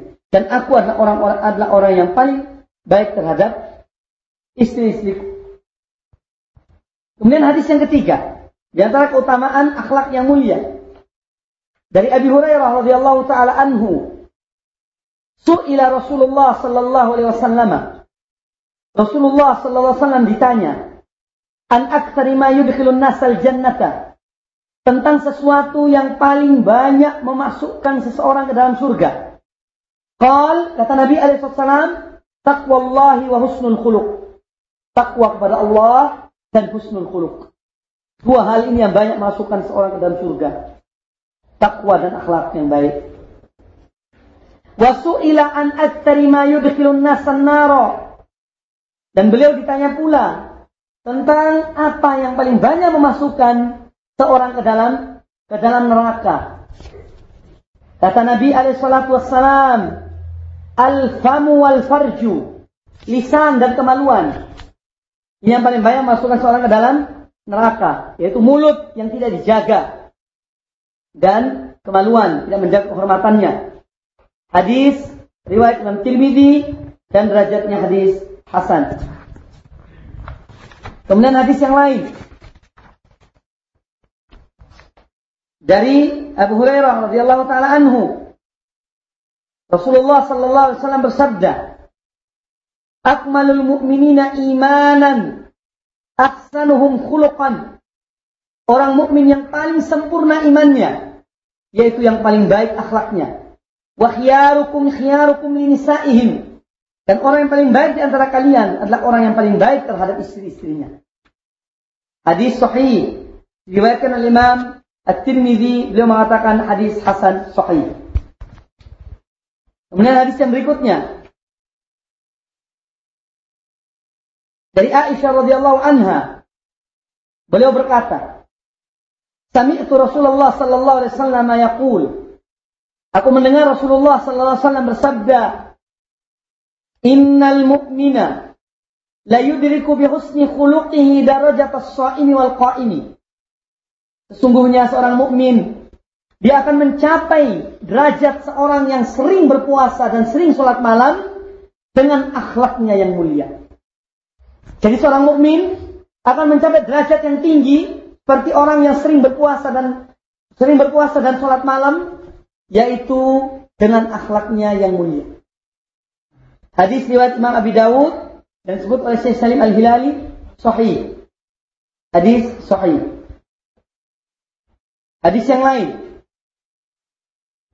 Wa an Abi Umamah Al-Bahili radhiyallahu anhu qal dari Abi Umamah radhiyallahu anhu beliau berkata Qala Rasulullah sallallahu alaihi wasallam Rasulullah sallallahu bersabda Ana za'imun bi baitin fi rabdil jannah. Saya adalah seorang yang memberi jaminan bagi sebuah rumah di rabdil jannah di surga atau bagian bawah surga. Ya surga yang bawah. Liman tarokal miro bagi orang yang meninggalkan berdebat. In kana muhiqqan walaupun dia hak. Wa bi baitin fi wasatil jannah. Dan saya memberi jaminan bagi seorang bagi sebuah rumah di surga atau di tengah surga liman tarokal kadiba yaitu bagi orang yang meninggalkan berdusta. Wa in kana mazihan walaupun itu hanya bercanda. Wa bi baitin fi a'lal jannati dan aku menjamin surga atau rumah di surga yang paling tinggi di a'lal jannah. Liman hasuna khuluquhu bagi orang yang akhlaknya mulia. Jadi orang meninggalkan mirok perdebatan itu diberi jaminan oleh Nabi Islam rumah di surga yang bawah. Orang yang meninggalkan dusta walaupun ber, bercanda itu diberi jaminan surga oleh rumah oleh Nabi Alaihissalam di surga yang tengah. Dan orang yang berakhlak mulia diberi jaminan oleh Nabi Alaihissalam bahwa dia mendapat rumah yang berada di surga yang paling tinggi. Karena apa? Kaitannya dengan i, iman. Akmalul mu'minina imanan ahsanuhum khuluqan. Karena dia telah mencapai kesempurnaan yang paling paling tinggi dengan akhlaknya yang yang mulia itu. Makanya surganya pun paling tinggi, paling tinggi. Ikhwani fillah rahimakumullah. Itulah di antara hadis-hadis Rasulullah SAW yang berkaitan dengan akhlak dan moral. Pertanyaannya, kita selingi atau lanjutkan? Terserah, lanjutkan, saya lanjutkan.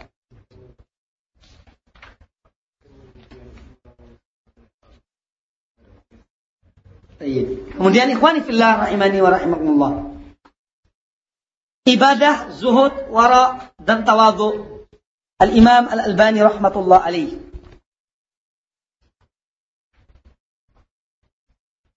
Uh, disebutkan oleh Syekh Samir Az-Zuhairi salah seorang murid beliau bahwa saya tidak pernah melihat atau jarang untuk saya jumpai seorang yang menjadi contoh dalam perbuatan dan ilmu yang melebihi Syekh Imam Al-Albani rahmatullah alaih. Ya, karena seorang semakin tinggi ilmunya harus diterapkan dan semakin takwa kepada Allah Subhanahu wa taala. Ya, maka ilmunya diamalkan. Banyak ayat-ayat Al-Quran dan hadis-hadis Rasul alaihissalam serta perkataan salaf tentang ilmu yang tidak diamalkan wal billah. Ya. Ya ayyuhalladzina amanu lima taquluna ma la taf'alun. Wahai orang-orang beriman, kenapa kalian mengucapkan, berbicara apa yang tidak kalian amalkan? Ya. Dalam ayat yang lain, atamuruna an-nasa bil birri wa tansawna anfusakum antum tatluna al-kitab afala taqil afala afala taqilun kamu apakah kalian memerintahkan orang untuk berbuat baik sementara kalian lupa diri kalian? Tidak sementara kalian membaca kitab, apakah kalian tidak memakai akal-akal kalian?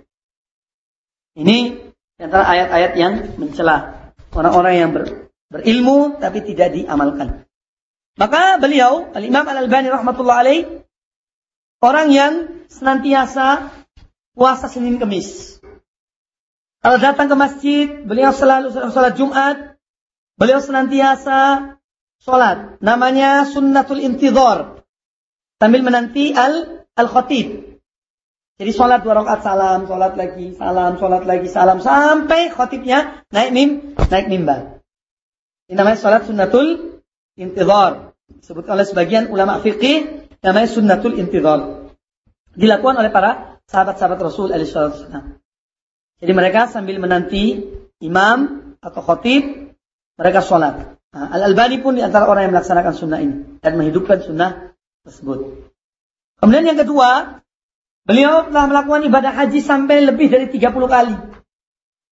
Ya. Maka seorang yang telah melaksanakan haji satu kali jangan merasa puas. Jangan merasa puas. Kadang-kadang kita demikian. Nah kalau ada kesempatan untuk kedua kali, ketiga kali, silahkan diterima. Ya. Makanya ada sebuah hadis ya hadis Rasul SAW bahwa orang yang mampu itu dianjurkan untuk haji setiap lima tahun sekali. Bagi yang mampu, yang mampu. Ya. Maka kita jangan menjadi orang yang minimalis. Pokoknya sudah sekali haji seumur hidup selesai. Padahal punya kesempatan, punya kemampuan, itu ditinggalkan atau disia-siakan. Tidak. Barang siapa yang punya waktu dan kesempatan silahkan lakukan haji. Walaupun berkali-kali. Al-Imam At-Tawus rahimahullah ta'ala. Salah seorang murid dari Abdullah bin Abbas. Beliau haji 50 kali. Ya. Maka tidak ada kata-kata zuhud dalam masalah haji. Atau ibadah. Dan kesempatan-kesempatan yang yang baik untuk ber, beribadah. Ah sudahlah kasih kesempatan orang lain. Aku sudah Alhamdulillah. Itu belum. Ya, tidak demikian. Kecuali kalau betul-betul mungkin itu misalnya orang tua kita, dia belum haji, kemudian kita mendapat kesempatan, kita berikan pada mereka sebagai wujud bakti seorang anak kepada orang orang tuanya. Itu juga ibadah diperintahkan. Ya. Oleh karena itu, bagi yang mampu dan zu yang mempunyai kelebihan harta, hendaknya apabila ada kesempatan untuk beribadah haji, hendaknya dia melakukan ibadah haji. Kemudian disebutkan juga tentang hadis hadis Abi Hurairah radhiyallahu taala an yang mana Al Imam Al Albani sering menangis apabila mendengar hadis ini bahwa tiga golongan manusia yang pertama dinyalakan api neraka untuk mereka ya yaitu seorang yang qari membaca Al-Qur'an yang kedua orang yang dermawan yang ketiga orang yang Ah, yang ketiga orang yang berjihad di jalan Allah dan mati dalam peperangan di jalan Allah. Ini disebutkan bahwa mereka adalah tiga golongan manusia yang pertama dinyalakan api neraka atau dimasukkan dalam neraka. Nah, hadis ini apabila dibacakan beliau rahimahullah taala sering uh, apa namanya mengucurkan air mata. Hadis ini berbunyi, Qala Rasulullah sallallahu alaihi wasallam, Inna Allah tabaraka wa ta'ala idza kana yaumal qiyamati yanzilu ila al-abdi liyak liyaqba bainahum. Sesungguhnya Allah tabaraka wa ta'ala apabila di hari kiamat Allah turun untuk atau untuk mengadili di antara hamba-hambanya. Wa kullu ummatin janiyat Wa kullu ummatin jathiyatun. Ini ada kekeliruan ya. Bukan janiyatun, jathiyatun berlutut artinya. Dan setiap umat itu berlutut di hadapan Allah Subhanahu wa taala. Fa awwalu man yud'a rajulun. Orang pertama yang dipanggil adalah seorang jama'al Quran yang telah menghafal Al-Quran. Yang kedua warajulun qutila fi sabilillah. Orang yang terbunuh di jalan Allah. Yang ketiga warajulun kathirul mal dan seorang yang banyak hartanya. Fayaqulullah azza wa jalla lil qari, maka Allah mengatakan kepada orang yang membaca Al-Qur'an itu. Ini termasuk para ulama. Ya. Alam u'allim kama anzaltu ala rasuli? Bukankah aku telah ajarkan kepadamu apa-apa yang kuturunkan kepada Rasulku? Qala bala ya Rabbi. Kata orang itu iya. Benar wahai Rabbku. Qala fama amilta fima alimta. Kemudian kata Allah, maka apa yang telah engkau lakukan dengan apa yang telah kau ketahui? Apa yang telah engkau amalkan dengan ilmumu? Qal kuntu aku bihi ana al-laili wa ana an-nahar. Kata orang itu, ya Allah, saya bangun membaca Quran di siang dan di malam hari. Ya senantiasa membaca Quran. Fayaqul Allah Azza wa Jalla lahu kadzabta. Allah mengatakan engkau dusta. Wa taqulu lahul malaika dan para malaikat mengatakan padanya, kadzabta engkau berdusta. Wa yaqulu Allah tabaraka wa ta'ala bal aratta an yuqala fulanun qari'un wa qad qila dzalika. Engkau hanya ingin supaya dikatakan bahwa fulan itu seorang baca Quran, orang qari yang bagus. Wa qad qila dzalika dan telah dikatakan kepada kamu. Di dunia ini sudah kamu dapat Artinya sudah cukup. Sudah dapat di dunia. Kemudian wa yu'ta bi sahibil mal. Kemudian didatangkan sahibul mal, orang yang mempunyai harta yang banyak. Lalu Allah mengatakan, "Alam uwassi alaika." Bukankah saya telah meluaskan hartamu untukmu atau harta benda kepadamu? Qala lam ada ka lam ada ka tahtaj ila ila ahad. Kemudian uh, alam uwassi alaika hatta lam ada'ka tahtaju ila ahad? Bukankah saya telah melapangkan bagimu rizkimu sehingga kau tidak membutuhkan seorang? Qala bala ya Rabbi, kata orang itu iya. Benar wahai Rabbku. Qala famadha amilta fima ataituka? Lalu Allah mengatakan kepadanya, maka apakah yang telah kau amalkan dengan apa yang telah kuberikan padamu? Qala kuntu us, kuntu asilur rahima wa atasaddaqu. Dia mengatakan ya Allah saya dengan harta itu saya telah bersilaturahmi dan memberi sedekah. Fayaqulullahu fayaqulullahu lahu kadzabta wa taqulul malaikatu kadzabta. Maka Allah dan para malaikat mengatakan engkau telah berdusta. Wa yaqulullahu tabaraka wa ta'ala bal aratta an yuqala fulanun jawadun wa qad qila. Bahkan engkau mengendaki supaya kau dikatakan bahwa fulan itu seorang yang dermawan. Dan sudah dikatakan bahwa anda itu seorang yang dermawan. Kemudian wa yu'ta billadhi qutila fi sabilillah. Lalu datangkan orang yang terbunuh di jalan Allah. Fayaqulullahu lahu. Lalu dikatakan kepadanya. Bimadha qutilta. Kamu dibunuh dalam masalah apa? Fayaqulu ay rabbi amarta bil jihad fi sabilika faqataltu hatta qutiltu. Wahai Tuhanku, wahai Rabbku, Engkau memerintahkan aku untuk berjihad di jalan Allah dan agar aku berjihad, maka aku telah ber, berperang hingga aku dibunuh atau terbunuh. Fayaqulullahu kadzabta, maka Allah mengatakan padanya engkau berdusta. Wataqulul malaika dan para malaikat mengatakan kadzabta engkau berdusta. Wa yaqulu Allahu bal aradta an yuqala fulanun jari'un faqad qila dzalik. Bahkan yang kau kehendaki bahwa dikatakan bahwa fulan itu seorang pemberani dan telah dikatakan kepadamu.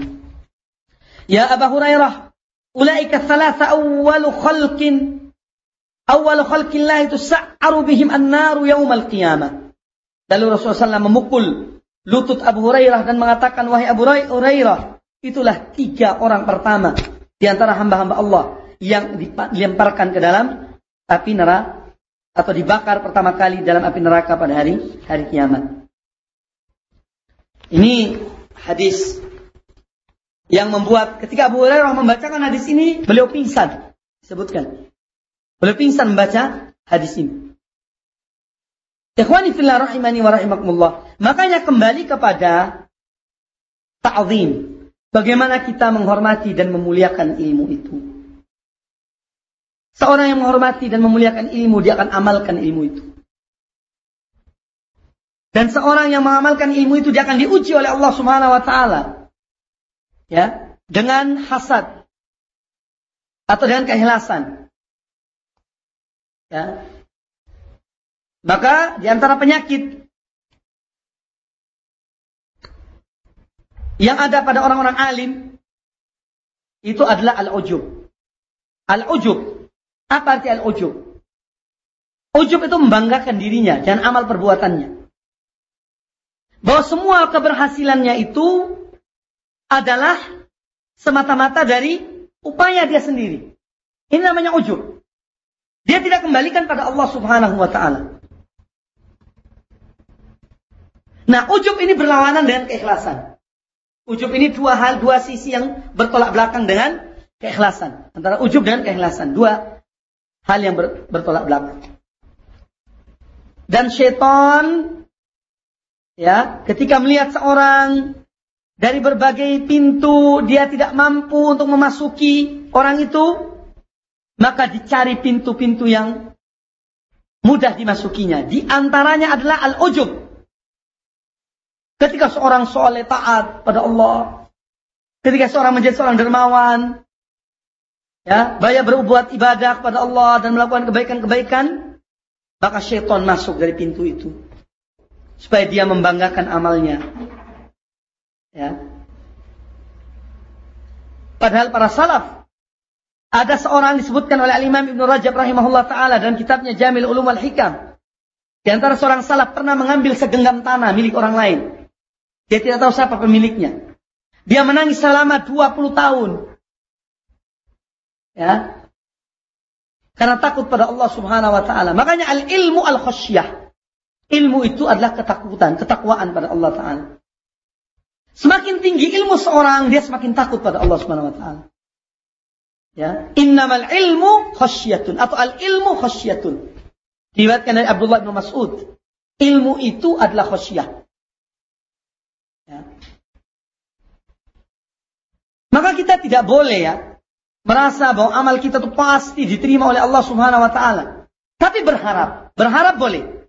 Tapi memastikan tidak. Makanya di antara sahabat ada yang mengatakan, seandainya aku mengetahui satu solatku diterima oleh Allah Subhanahu wa taala, maka itu adalah lebih baik dari dunia dan seisinya. Dari dunia dan seisinya. Seandainya aku mengetahui satu solatku diterima oleh Allah subhanahu wa ta'ala, maka itu adalah lebih baik daripada dunia dan seisinya. Ini karena takwanya mereka kepada Allah subhanahu wa ta'ala. Khawatir amal mereka tidak diterima oleh Allah. Ya. Karena firman Allah, Allah mengatakan, apa? Innama yataqabbalullahu minal mut muttaqin. Allah hanya menerima dari orang-orang yang bertakwa kepada Allah Subhanahu wa taala. Jadi amal perbuatan kita ini akan diterima oleh Allah Subhanahu wa taala adalah dengan apabila orang itu bertakwa. Innama yataqabbalullahu minal muttaqin. Tidak bertakwa atau tidak?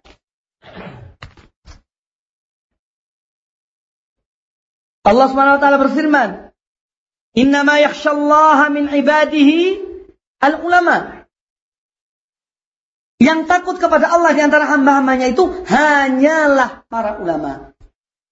Dengan demikian, ilmu ada kaitannya dengan khosyah. Oleh karena itu, al-ilmu al-khosyatu. Ilmu itu ketakwaan, ketakutan pada Allah Subhanahu wa taala. Di antara salaf ada yang mengatakan, "Lihatlah wahai anakku, apabila engkau menuntut ilmu menambah ketakwaanmu kepada Allah, maka lanjutkanlah. Tapi kalau engkau menuntut ilmu dan tidak menambah ketakwaanmu, maka berhentilah. Jangan menuntut ilmu. Karena innamal ilmu al-khasyah. Ilmu itu takwa pada Allah Ta'ala. Allah mengatakan innama yakhshallaha min ibadihi al-ulama.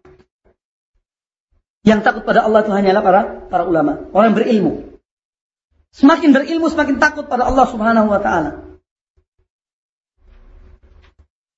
Dan semakin orang tidak berilmu, dia semakin berani karena tidak tidak berilmu. Faktor keberaniannya karena tidak ber, berilmu. Ikhwani fillah rahimani wa rahimakumullah.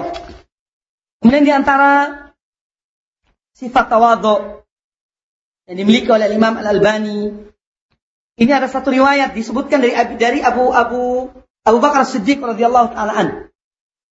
Yang sering diucapkan oleh Imam Al-Albani apabila beliau itu di, dipuji. Atau disebutkan tentang kelebihan dan keutamaannya. Beliau mengatakan, Allahumma firlana ma la ya'lamun. Ya Allah ampunilah kami. Apa-apa yang mereka tidak ketahui tentang tentang kami. Waj'alna khairan mimma yadhunnun. Dan jadikanlah kami lebih baik dari apa yang mereka duga. Dari apa yang mereka sang, sangka. Wala tu'akhidna bima yaqulun dan jangan engkau azab kami karena ucapan-ucapan mereka. Ya. Ini sikap tawadhu. Orang yang rendah diri. Rendahkan dirinya di hadapan Allah. Makanya Allah mengangkat derajat para ulama. Derajat orang yang merendahkan diri karena Allah Subhanahu wa taala. Allah akan mengangkat derajat mereka. Tapi kalau orang yang takabur mengangkat dirinya akan direndahkan oleh Allah Subhanahu wa taala. Banyak realita dan kenyataan yang kita lihat. Orang-orang mengangkat diri mereka. Ya. Kemudian dijatuhkan oleh Allah Subhanahu wa taala di mata kepala kita sendiri. Ya. Wal billah. Maka jangan takabur, jangan angkuh. Ya. Di antara penyakit. Ya, hasad, dengki, kibir, angkuh, merendahkan orang lain. Jangan sampai ada dan jangan sampai kita memiliki sifat-sifat tersebut. Ikhwani fillah rahimani wa rahimakumullah. Kemudian Al-Imam Al-Albani rahmatullah alaih di dalam Al-Amru bil Ma'ruf dan An-Nahyu anil Munkar. Di sini ada satu kaidah yang bagus sekali tentang bagaimana semestinya kita di dalam al-amru bil ma'ruf dan nahyu anil munkar. Allah Subhanahu wa taala berfirman dalam Al-Qur'anul Karim. Ya, kuntum khaira ummatin ukhrijat lin-nas. Ta'muruna bil ma'ruf wa tanhauna 'anil munkar wa tu'minuna billah. Ini antara dasar-dasar dari Al-Qur'an bahwa kamu ada umat terbaik yang dikeluarkan oleh Allah pada manusia. Kebaikan itu apabila kalian memiliki tiga kriteria ini. Yang pertama, al-amru bil ma'ruf. Ta'muruna bil ma'ruf. Yang kedua, tanhauna 'anil munkar, mencegah dari kemungkaran. Dan yang ketiga, tu'minuna billah, kamu beriman pada Allah. Artinya, dalam amar bil ma'ruf dan nahi 'anil munkar harus berdasarkan pada iman kepada Allah Subhanahu wa taala. Bukan untuk tunjuk kekuatan, bukan untuk mendapat pujian dari orang lain, tapi semata-mata karena iman kepada Allah Subhanahu wa taala. Makanya di sini dalam ayat ini, kuntum khaira ummatin ukhrijat linnas ta'muruna bil ma'ruf wa tanhauna 'anil munkar wa tu'minuna billah. Al-amru bil ma'ruf dan an-nahyu 'anil munkar ini far'un, cabang. Sedangkan iman pada Allah itu aslun. Tapi kenapa kok disebutkan yang cabang sebelum disebutkan yang aslun? Kan jelas sama itu. Kuntum khaira ummatin ukhrijat linnas. Ta'muruna bil ma'ruf wa tanhauna 'anil munkar ini cabang. wa tu'minuna billah. Kemudian Allah menyebutkan kalian beriman kepada Allah. Beberapa ulama atau para ulama menyebutkan tentang penafsiran ayat ini. Yang pertama, bahwa dimajukan atau didahulukannya al-far'u alal asli yang cabang atas yang yang asli ini karena pentingnya yang asli ini. Uh, pentingnya yang yang cabang ini, yaitu al-amru bil ma'ruf wa anil anil munkar. Yang kedua, kata mereka karena bahwa al-amru bil ma'ruf dan an-nahyu anil munkar harus didasarkan kepada iman kepada Allah Subhanahu wa taala. Ada lagi sebagian ulama mengatakan bahwa al-amru bil ma'ruf an-nahyu anil munkar al-amru bil ma'ruf perintah yang paling mulia yaitu perintah kepada tauhid. Ini maksud al-amru bil ma'ruf dan al-amru bil tauhid. Kemudian al-nahyu anil munkar, kemungkaran yang paling besar adalah syirik. Maka an-nahyu anil syirk syirki. Jadi sudah dikaitkan oleh ayat ini satu dengan yang yang lainnya. Ini di antara penafsiran atau bagaimana mereka mendudukkan kenapa kok yang aslun dikemudiankan dan yang far'un didahulukan. Ikhwani fillah rahimakumullah. Kemudian Nabi SAW bersabda bahwa man ra'a minkum munkaran falyughayyirhu biyadihi. Barang siapa yang melihat satu kemungkaran di antara kalian, maka hendaknya dia merubah dengan tangannya. Fa'illam yastati fabilisani. Kalau tidak mampu, maka dengan lisannya. Fa'illam yastati fabiqalbihi wa aful iman. Dan apabila tidak mampu, maka dengan dengan hatinya dan itu adalah selemah-lemah iman. Al-Imam Ibn Rajab rahimahullah taala menyebutkan ya hadis ini hadis sahih diriwayatkan oleh Imam Al-Bukhari dan Imam Muslim dan yang lainnya dari Abi Sa'id Al-Khudri radhiyallahu taala an. Kata Imam Ibn Rajab rahmatullah alaih. Ketika Nabi alaihi salatu wassalam mengatakan, Barang siapa di antara kalian melihat satu kemungkaran, maka hendaknya dia merubah dengan tangannya. Ini adalah fardu kifayah. Karena tidak setiap orang mampu merubah kemungkaran itu dengan dengan tangannya. Ini hanya mereka yang memiliki kekuasaan. Entah penguasa atau pemimpin misalnya madrasah atau seorang ayah di dalam rumah tangganya dia memiliki kekuasaan. Maka mereka mempunyai kekuasaan untuk merubah kemungkaran itu. Tapi tidak semua orang.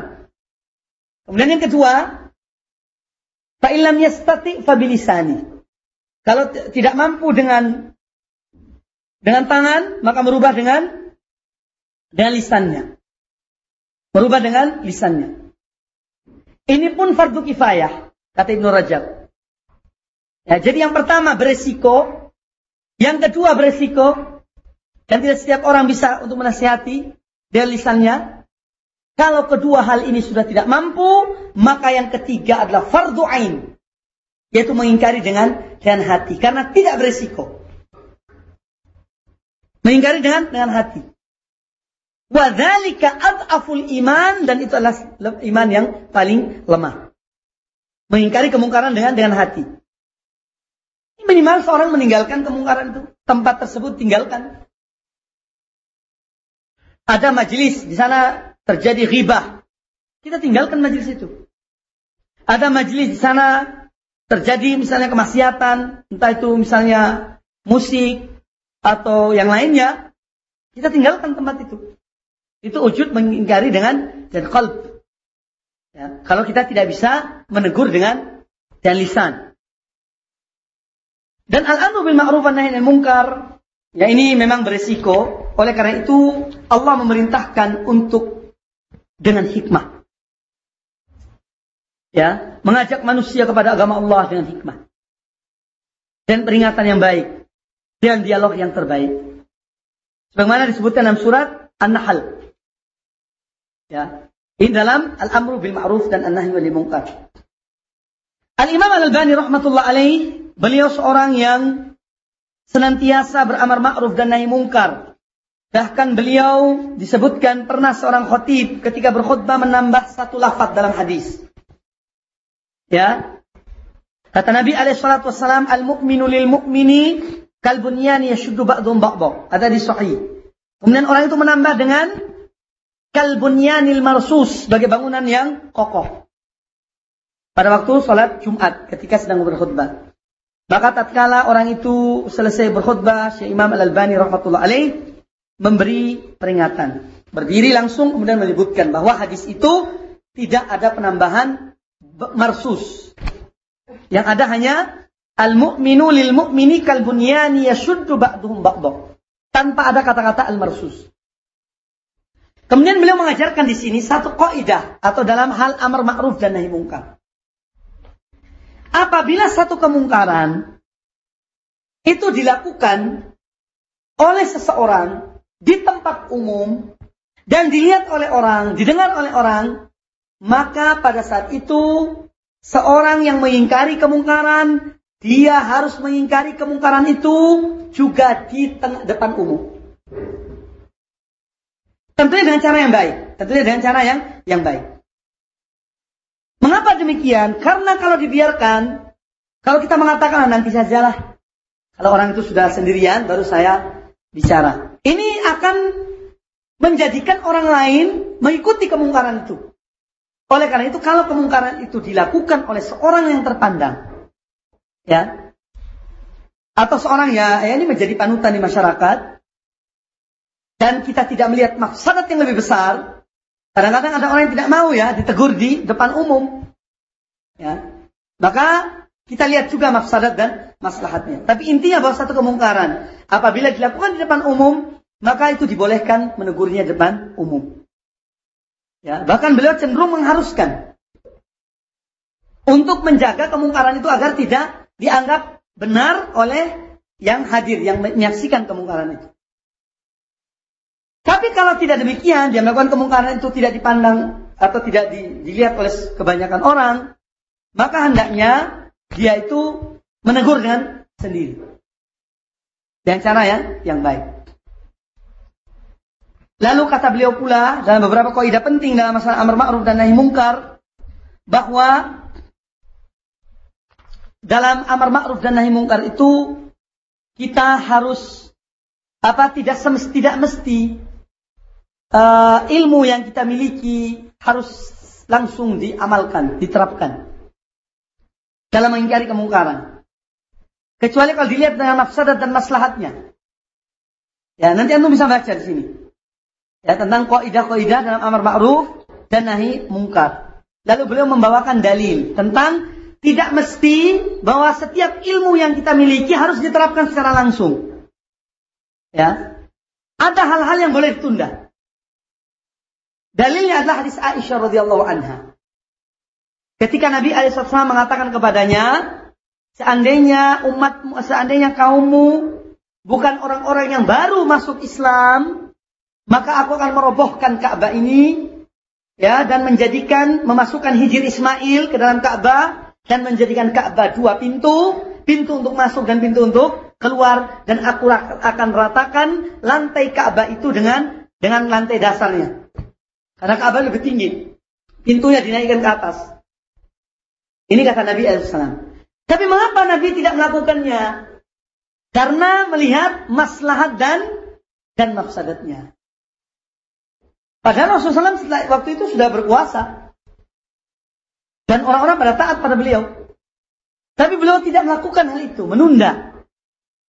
Kemudian datang pada masanya Abdullah bin bin Zubair. Abdullah bin Zubair waktu berkuasa di Mekah, Beliau melakukan apa yang diwasiatkan oleh Rasul alaihissalam.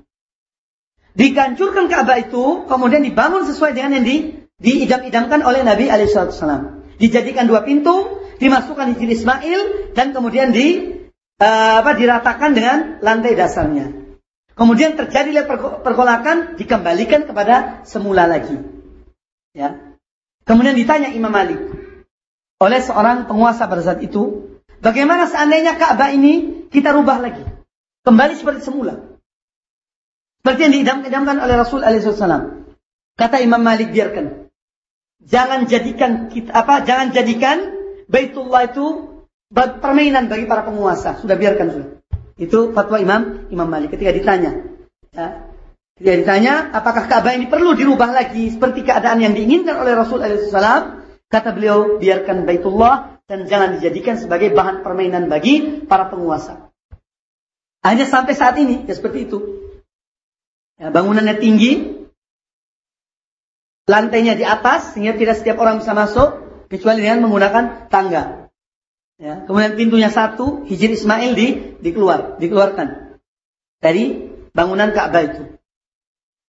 Hingga sampai saat ini. Ikhwani fillah rahimani wa rahimakumullah. Oleh karena itu, uh, dalam berdakwah, dalam amar ma'ruf, harus dengan al-amru bil ma'ruf juga. Man amiran bil ma'ruf, falyakun amruhu bil ma'ruf. Barang siapa yang memerintahkan pada yang ma'ruf, maka hendaknya perintahnya itu juga dengan ma dengan yang ma'ruf. Kita melihat contoh-contoh pelanggaran dalam masalah atau kaidah ini. Ada beberapa organisasi kan baru-baru ini belum lama terjadi mereka apa menghancurkan beberapa tempat pelacuran di Jakarta. Orang-orang yang jualan dipukuli, suruh keluar dan dan lain sebagainya. Kemudian juga kejadian di Ngawi, ya tempat-tempat minuman di apa dihancurkan dengan alasan al-amru bil ma'ruf, an-nahyi anil munkar, tapi dampaknya besar. Ya. Ternyata dampaknya besar. Tidak mengurangi kemungkaran itu malah semakin menjadi-jadi ya dan menjelekkan nama Islam, menjelekkan nama Salafiyah. Ini akibat dari tidak mengikuti tuntunan para ulama. Di Aden ada satu kuburan. Kuburan sebut kuburan para wali. Itu ada dulu sebagian orang ingin menghancurkan. Maka datanglah mereka kepada Syekh Mukbil bin Hadi meminta fatwa. Bagaimana kalau kuburan di Aden ini kita hancurkan? Karena tempatnya syirik. Apa fatwa Syekh Mukbil bin Hadi? Kalian lihat. Masalah dan mafsadatnya. Ternyata mereka lakukan hal itu. Mereka lakukan hal itu. Hancurkan. Setelah mereka hancurkan, orang-orang yang sering datang ke kuburan itu tidak, tidak terima hal itu. Justru sekarang dibangun dengan bangunan yang lebih megah dari sebelumnya. Marmer, ya, pasang keramik dan lain sebagainya. Padahal kalau dulu dibiarkan dan sudah dinasihati oleh Syekh Mukbil bin Hadi bahwa kalian melihat mafsadat dan maslahat yang ditimbulkan oleh perbuatan kalian. Tapi mereka tetap tidak mendengar. Akhirnya mafsadatnya lebih besar dari mas maslahatnya. Malah mereka mengeluarkan harta yang banyak untuk membangun kembali apa yang telah mereka hancurkan yang telah dihancurkan. Nah inilah maka seorang yang dalam kaidah amar ma'ruf dan nahi mungkar. Yang pertama, ini dalam kaidah amar ma'ruf nahi mungkar, al ilmu qabla al amri bil ma'ruf wan nahi anil mungkar. Seorang yang akan amar ma'ruf nahi mungkar harus mempunyai ilmu. Ilmu apa sih maksudnya? Artinya dia harus mengetahui bahwa itu benar-benar ma'ruf atau itu benar-benar mungkar. Standarnya adalah Quran dan hadis. Bukan perasaan. Bukan budaya. Bukan suara hati. Ya. Tapi Quran dan hadis. Bahwa itu ma'ruf, bahwa itu mungkar. Jadi al-ilmu qabla al-amri bil ma'ruf wan nahi anil mungkar. Kemudian yang kedua, arifku ma'al amri bil ma'ruf wan nahyi anil munkar. Yang kedua arif lemah lembut. Dalam amar ma'ruf dan nahi munkar dengan cara yang baik. Arifku ma'a. Artinya ketika kita menyampaikan amar ma'ruf nahi munkar itu harus disertai dengan arifku. Disertai dengan rifq dan cara yang baik bil hikmah. Dan yang ketiga, as-sabru ba'dal amri bil ma'ruf wan nahyi anil munkar. Bersabar. Setelah amar ma'ruf dan nahi munkar, karena jelas akan ada tanta, tantangan. Maka harus sabar. Ya. Harus sabar. Ketika kita telah amar ma'ruf nahi munkar, mesti ada celaan dari orang banyak, ada omongan, maka harus sabar. Jadi al-ilmu qabla sebelum amar ma'ruf nahi munkar. Arifku ma'a bersamaan dengan amar ma'ruf. Itu rifq. Yang ketiga sabru ba'dal amr bil ma'ruf wan nahi anil anil munkar. Ikhwani fillah rahimani wa rahimakumullah. Satu hal lagi ya, sebetulnya sudah waktu ya untuk istirahat. Satu hal lagi yang penting dalam al-amru bil ma'ruf wa nahi anil munkar. Kata al-Imam Ibnu Qayyim rahimahullah taala. Ya, dalam mengingkari kemungkaran ada beberapa derajat. Derajat yang pertama, jika kita mengingkari kemungkaran itu, kemungkaran akan hilang dan digantikan dengan kebaikan. Ya, kemungkaran akan hilang dan digantikan dengan kebaikan. Kemudian yang kedua, jika kita mengingkari kemungkaran, kemungkaran itu akan berkurang. Kemungkaran itu akan ber berkurang. Dan akan ada kebaikan setelah itu. Jadi yang yang kedua ini tidak hilang 100%, tapi minimal berkurang. Maka dua hal ini, dua derajat ini wajib hukumnya. Al-amru bil ma'ruf wa nahi munkar atau mencegah kemungkaran pada dua kondisi ini wajib hukumnya. Yang pertama apabila kemungkaran itu akan hilang dan akan datang kebaikan. Atau kemungkaran itu akan berkurang. Maka ini wajib hukumnya. Yang kedua, eh, yang ketiga, apabila kita mengingkari kemungkaran, akan timbul kemungkaran yang serupa dengan itu, maka di sini tempat ijtihad. Seorang akan melakukan ijtihad. Dia lakukan atau tidak? Ya, kalau setelah kita mengingkari kemungkaran ini akan timbul kemungkaran yang sama dengan itu atau sederajat dengan itu. Di sini hukumnya adalah Ijtihad bagi orang yang akan melakukannya. Dia memilih antara melakukan atau tidak. Kemudian yang keempat, kata Imam Ibnu Qayyim rahmatullah alaih, apabila dengan mengingkari kemungkaran itu akan menimbulkan kemungkaran yang lebih besar dari itu, dari yang sebelumnya, maka hukumnya adalah haram. Fahiyya muharramatun kata beliau. Jadi yang keempat, apabila ketika mengingkari kemungkaran itu akan menimbulkan kemungkaran yang lebih besar dari yang sebelumnya, maka hukumnya adalah haram. Tidak dibolehkan. Aku qauli hadza wallahu taala a'lam. Sekarang istirahat atau pertanyaan? Istirahat.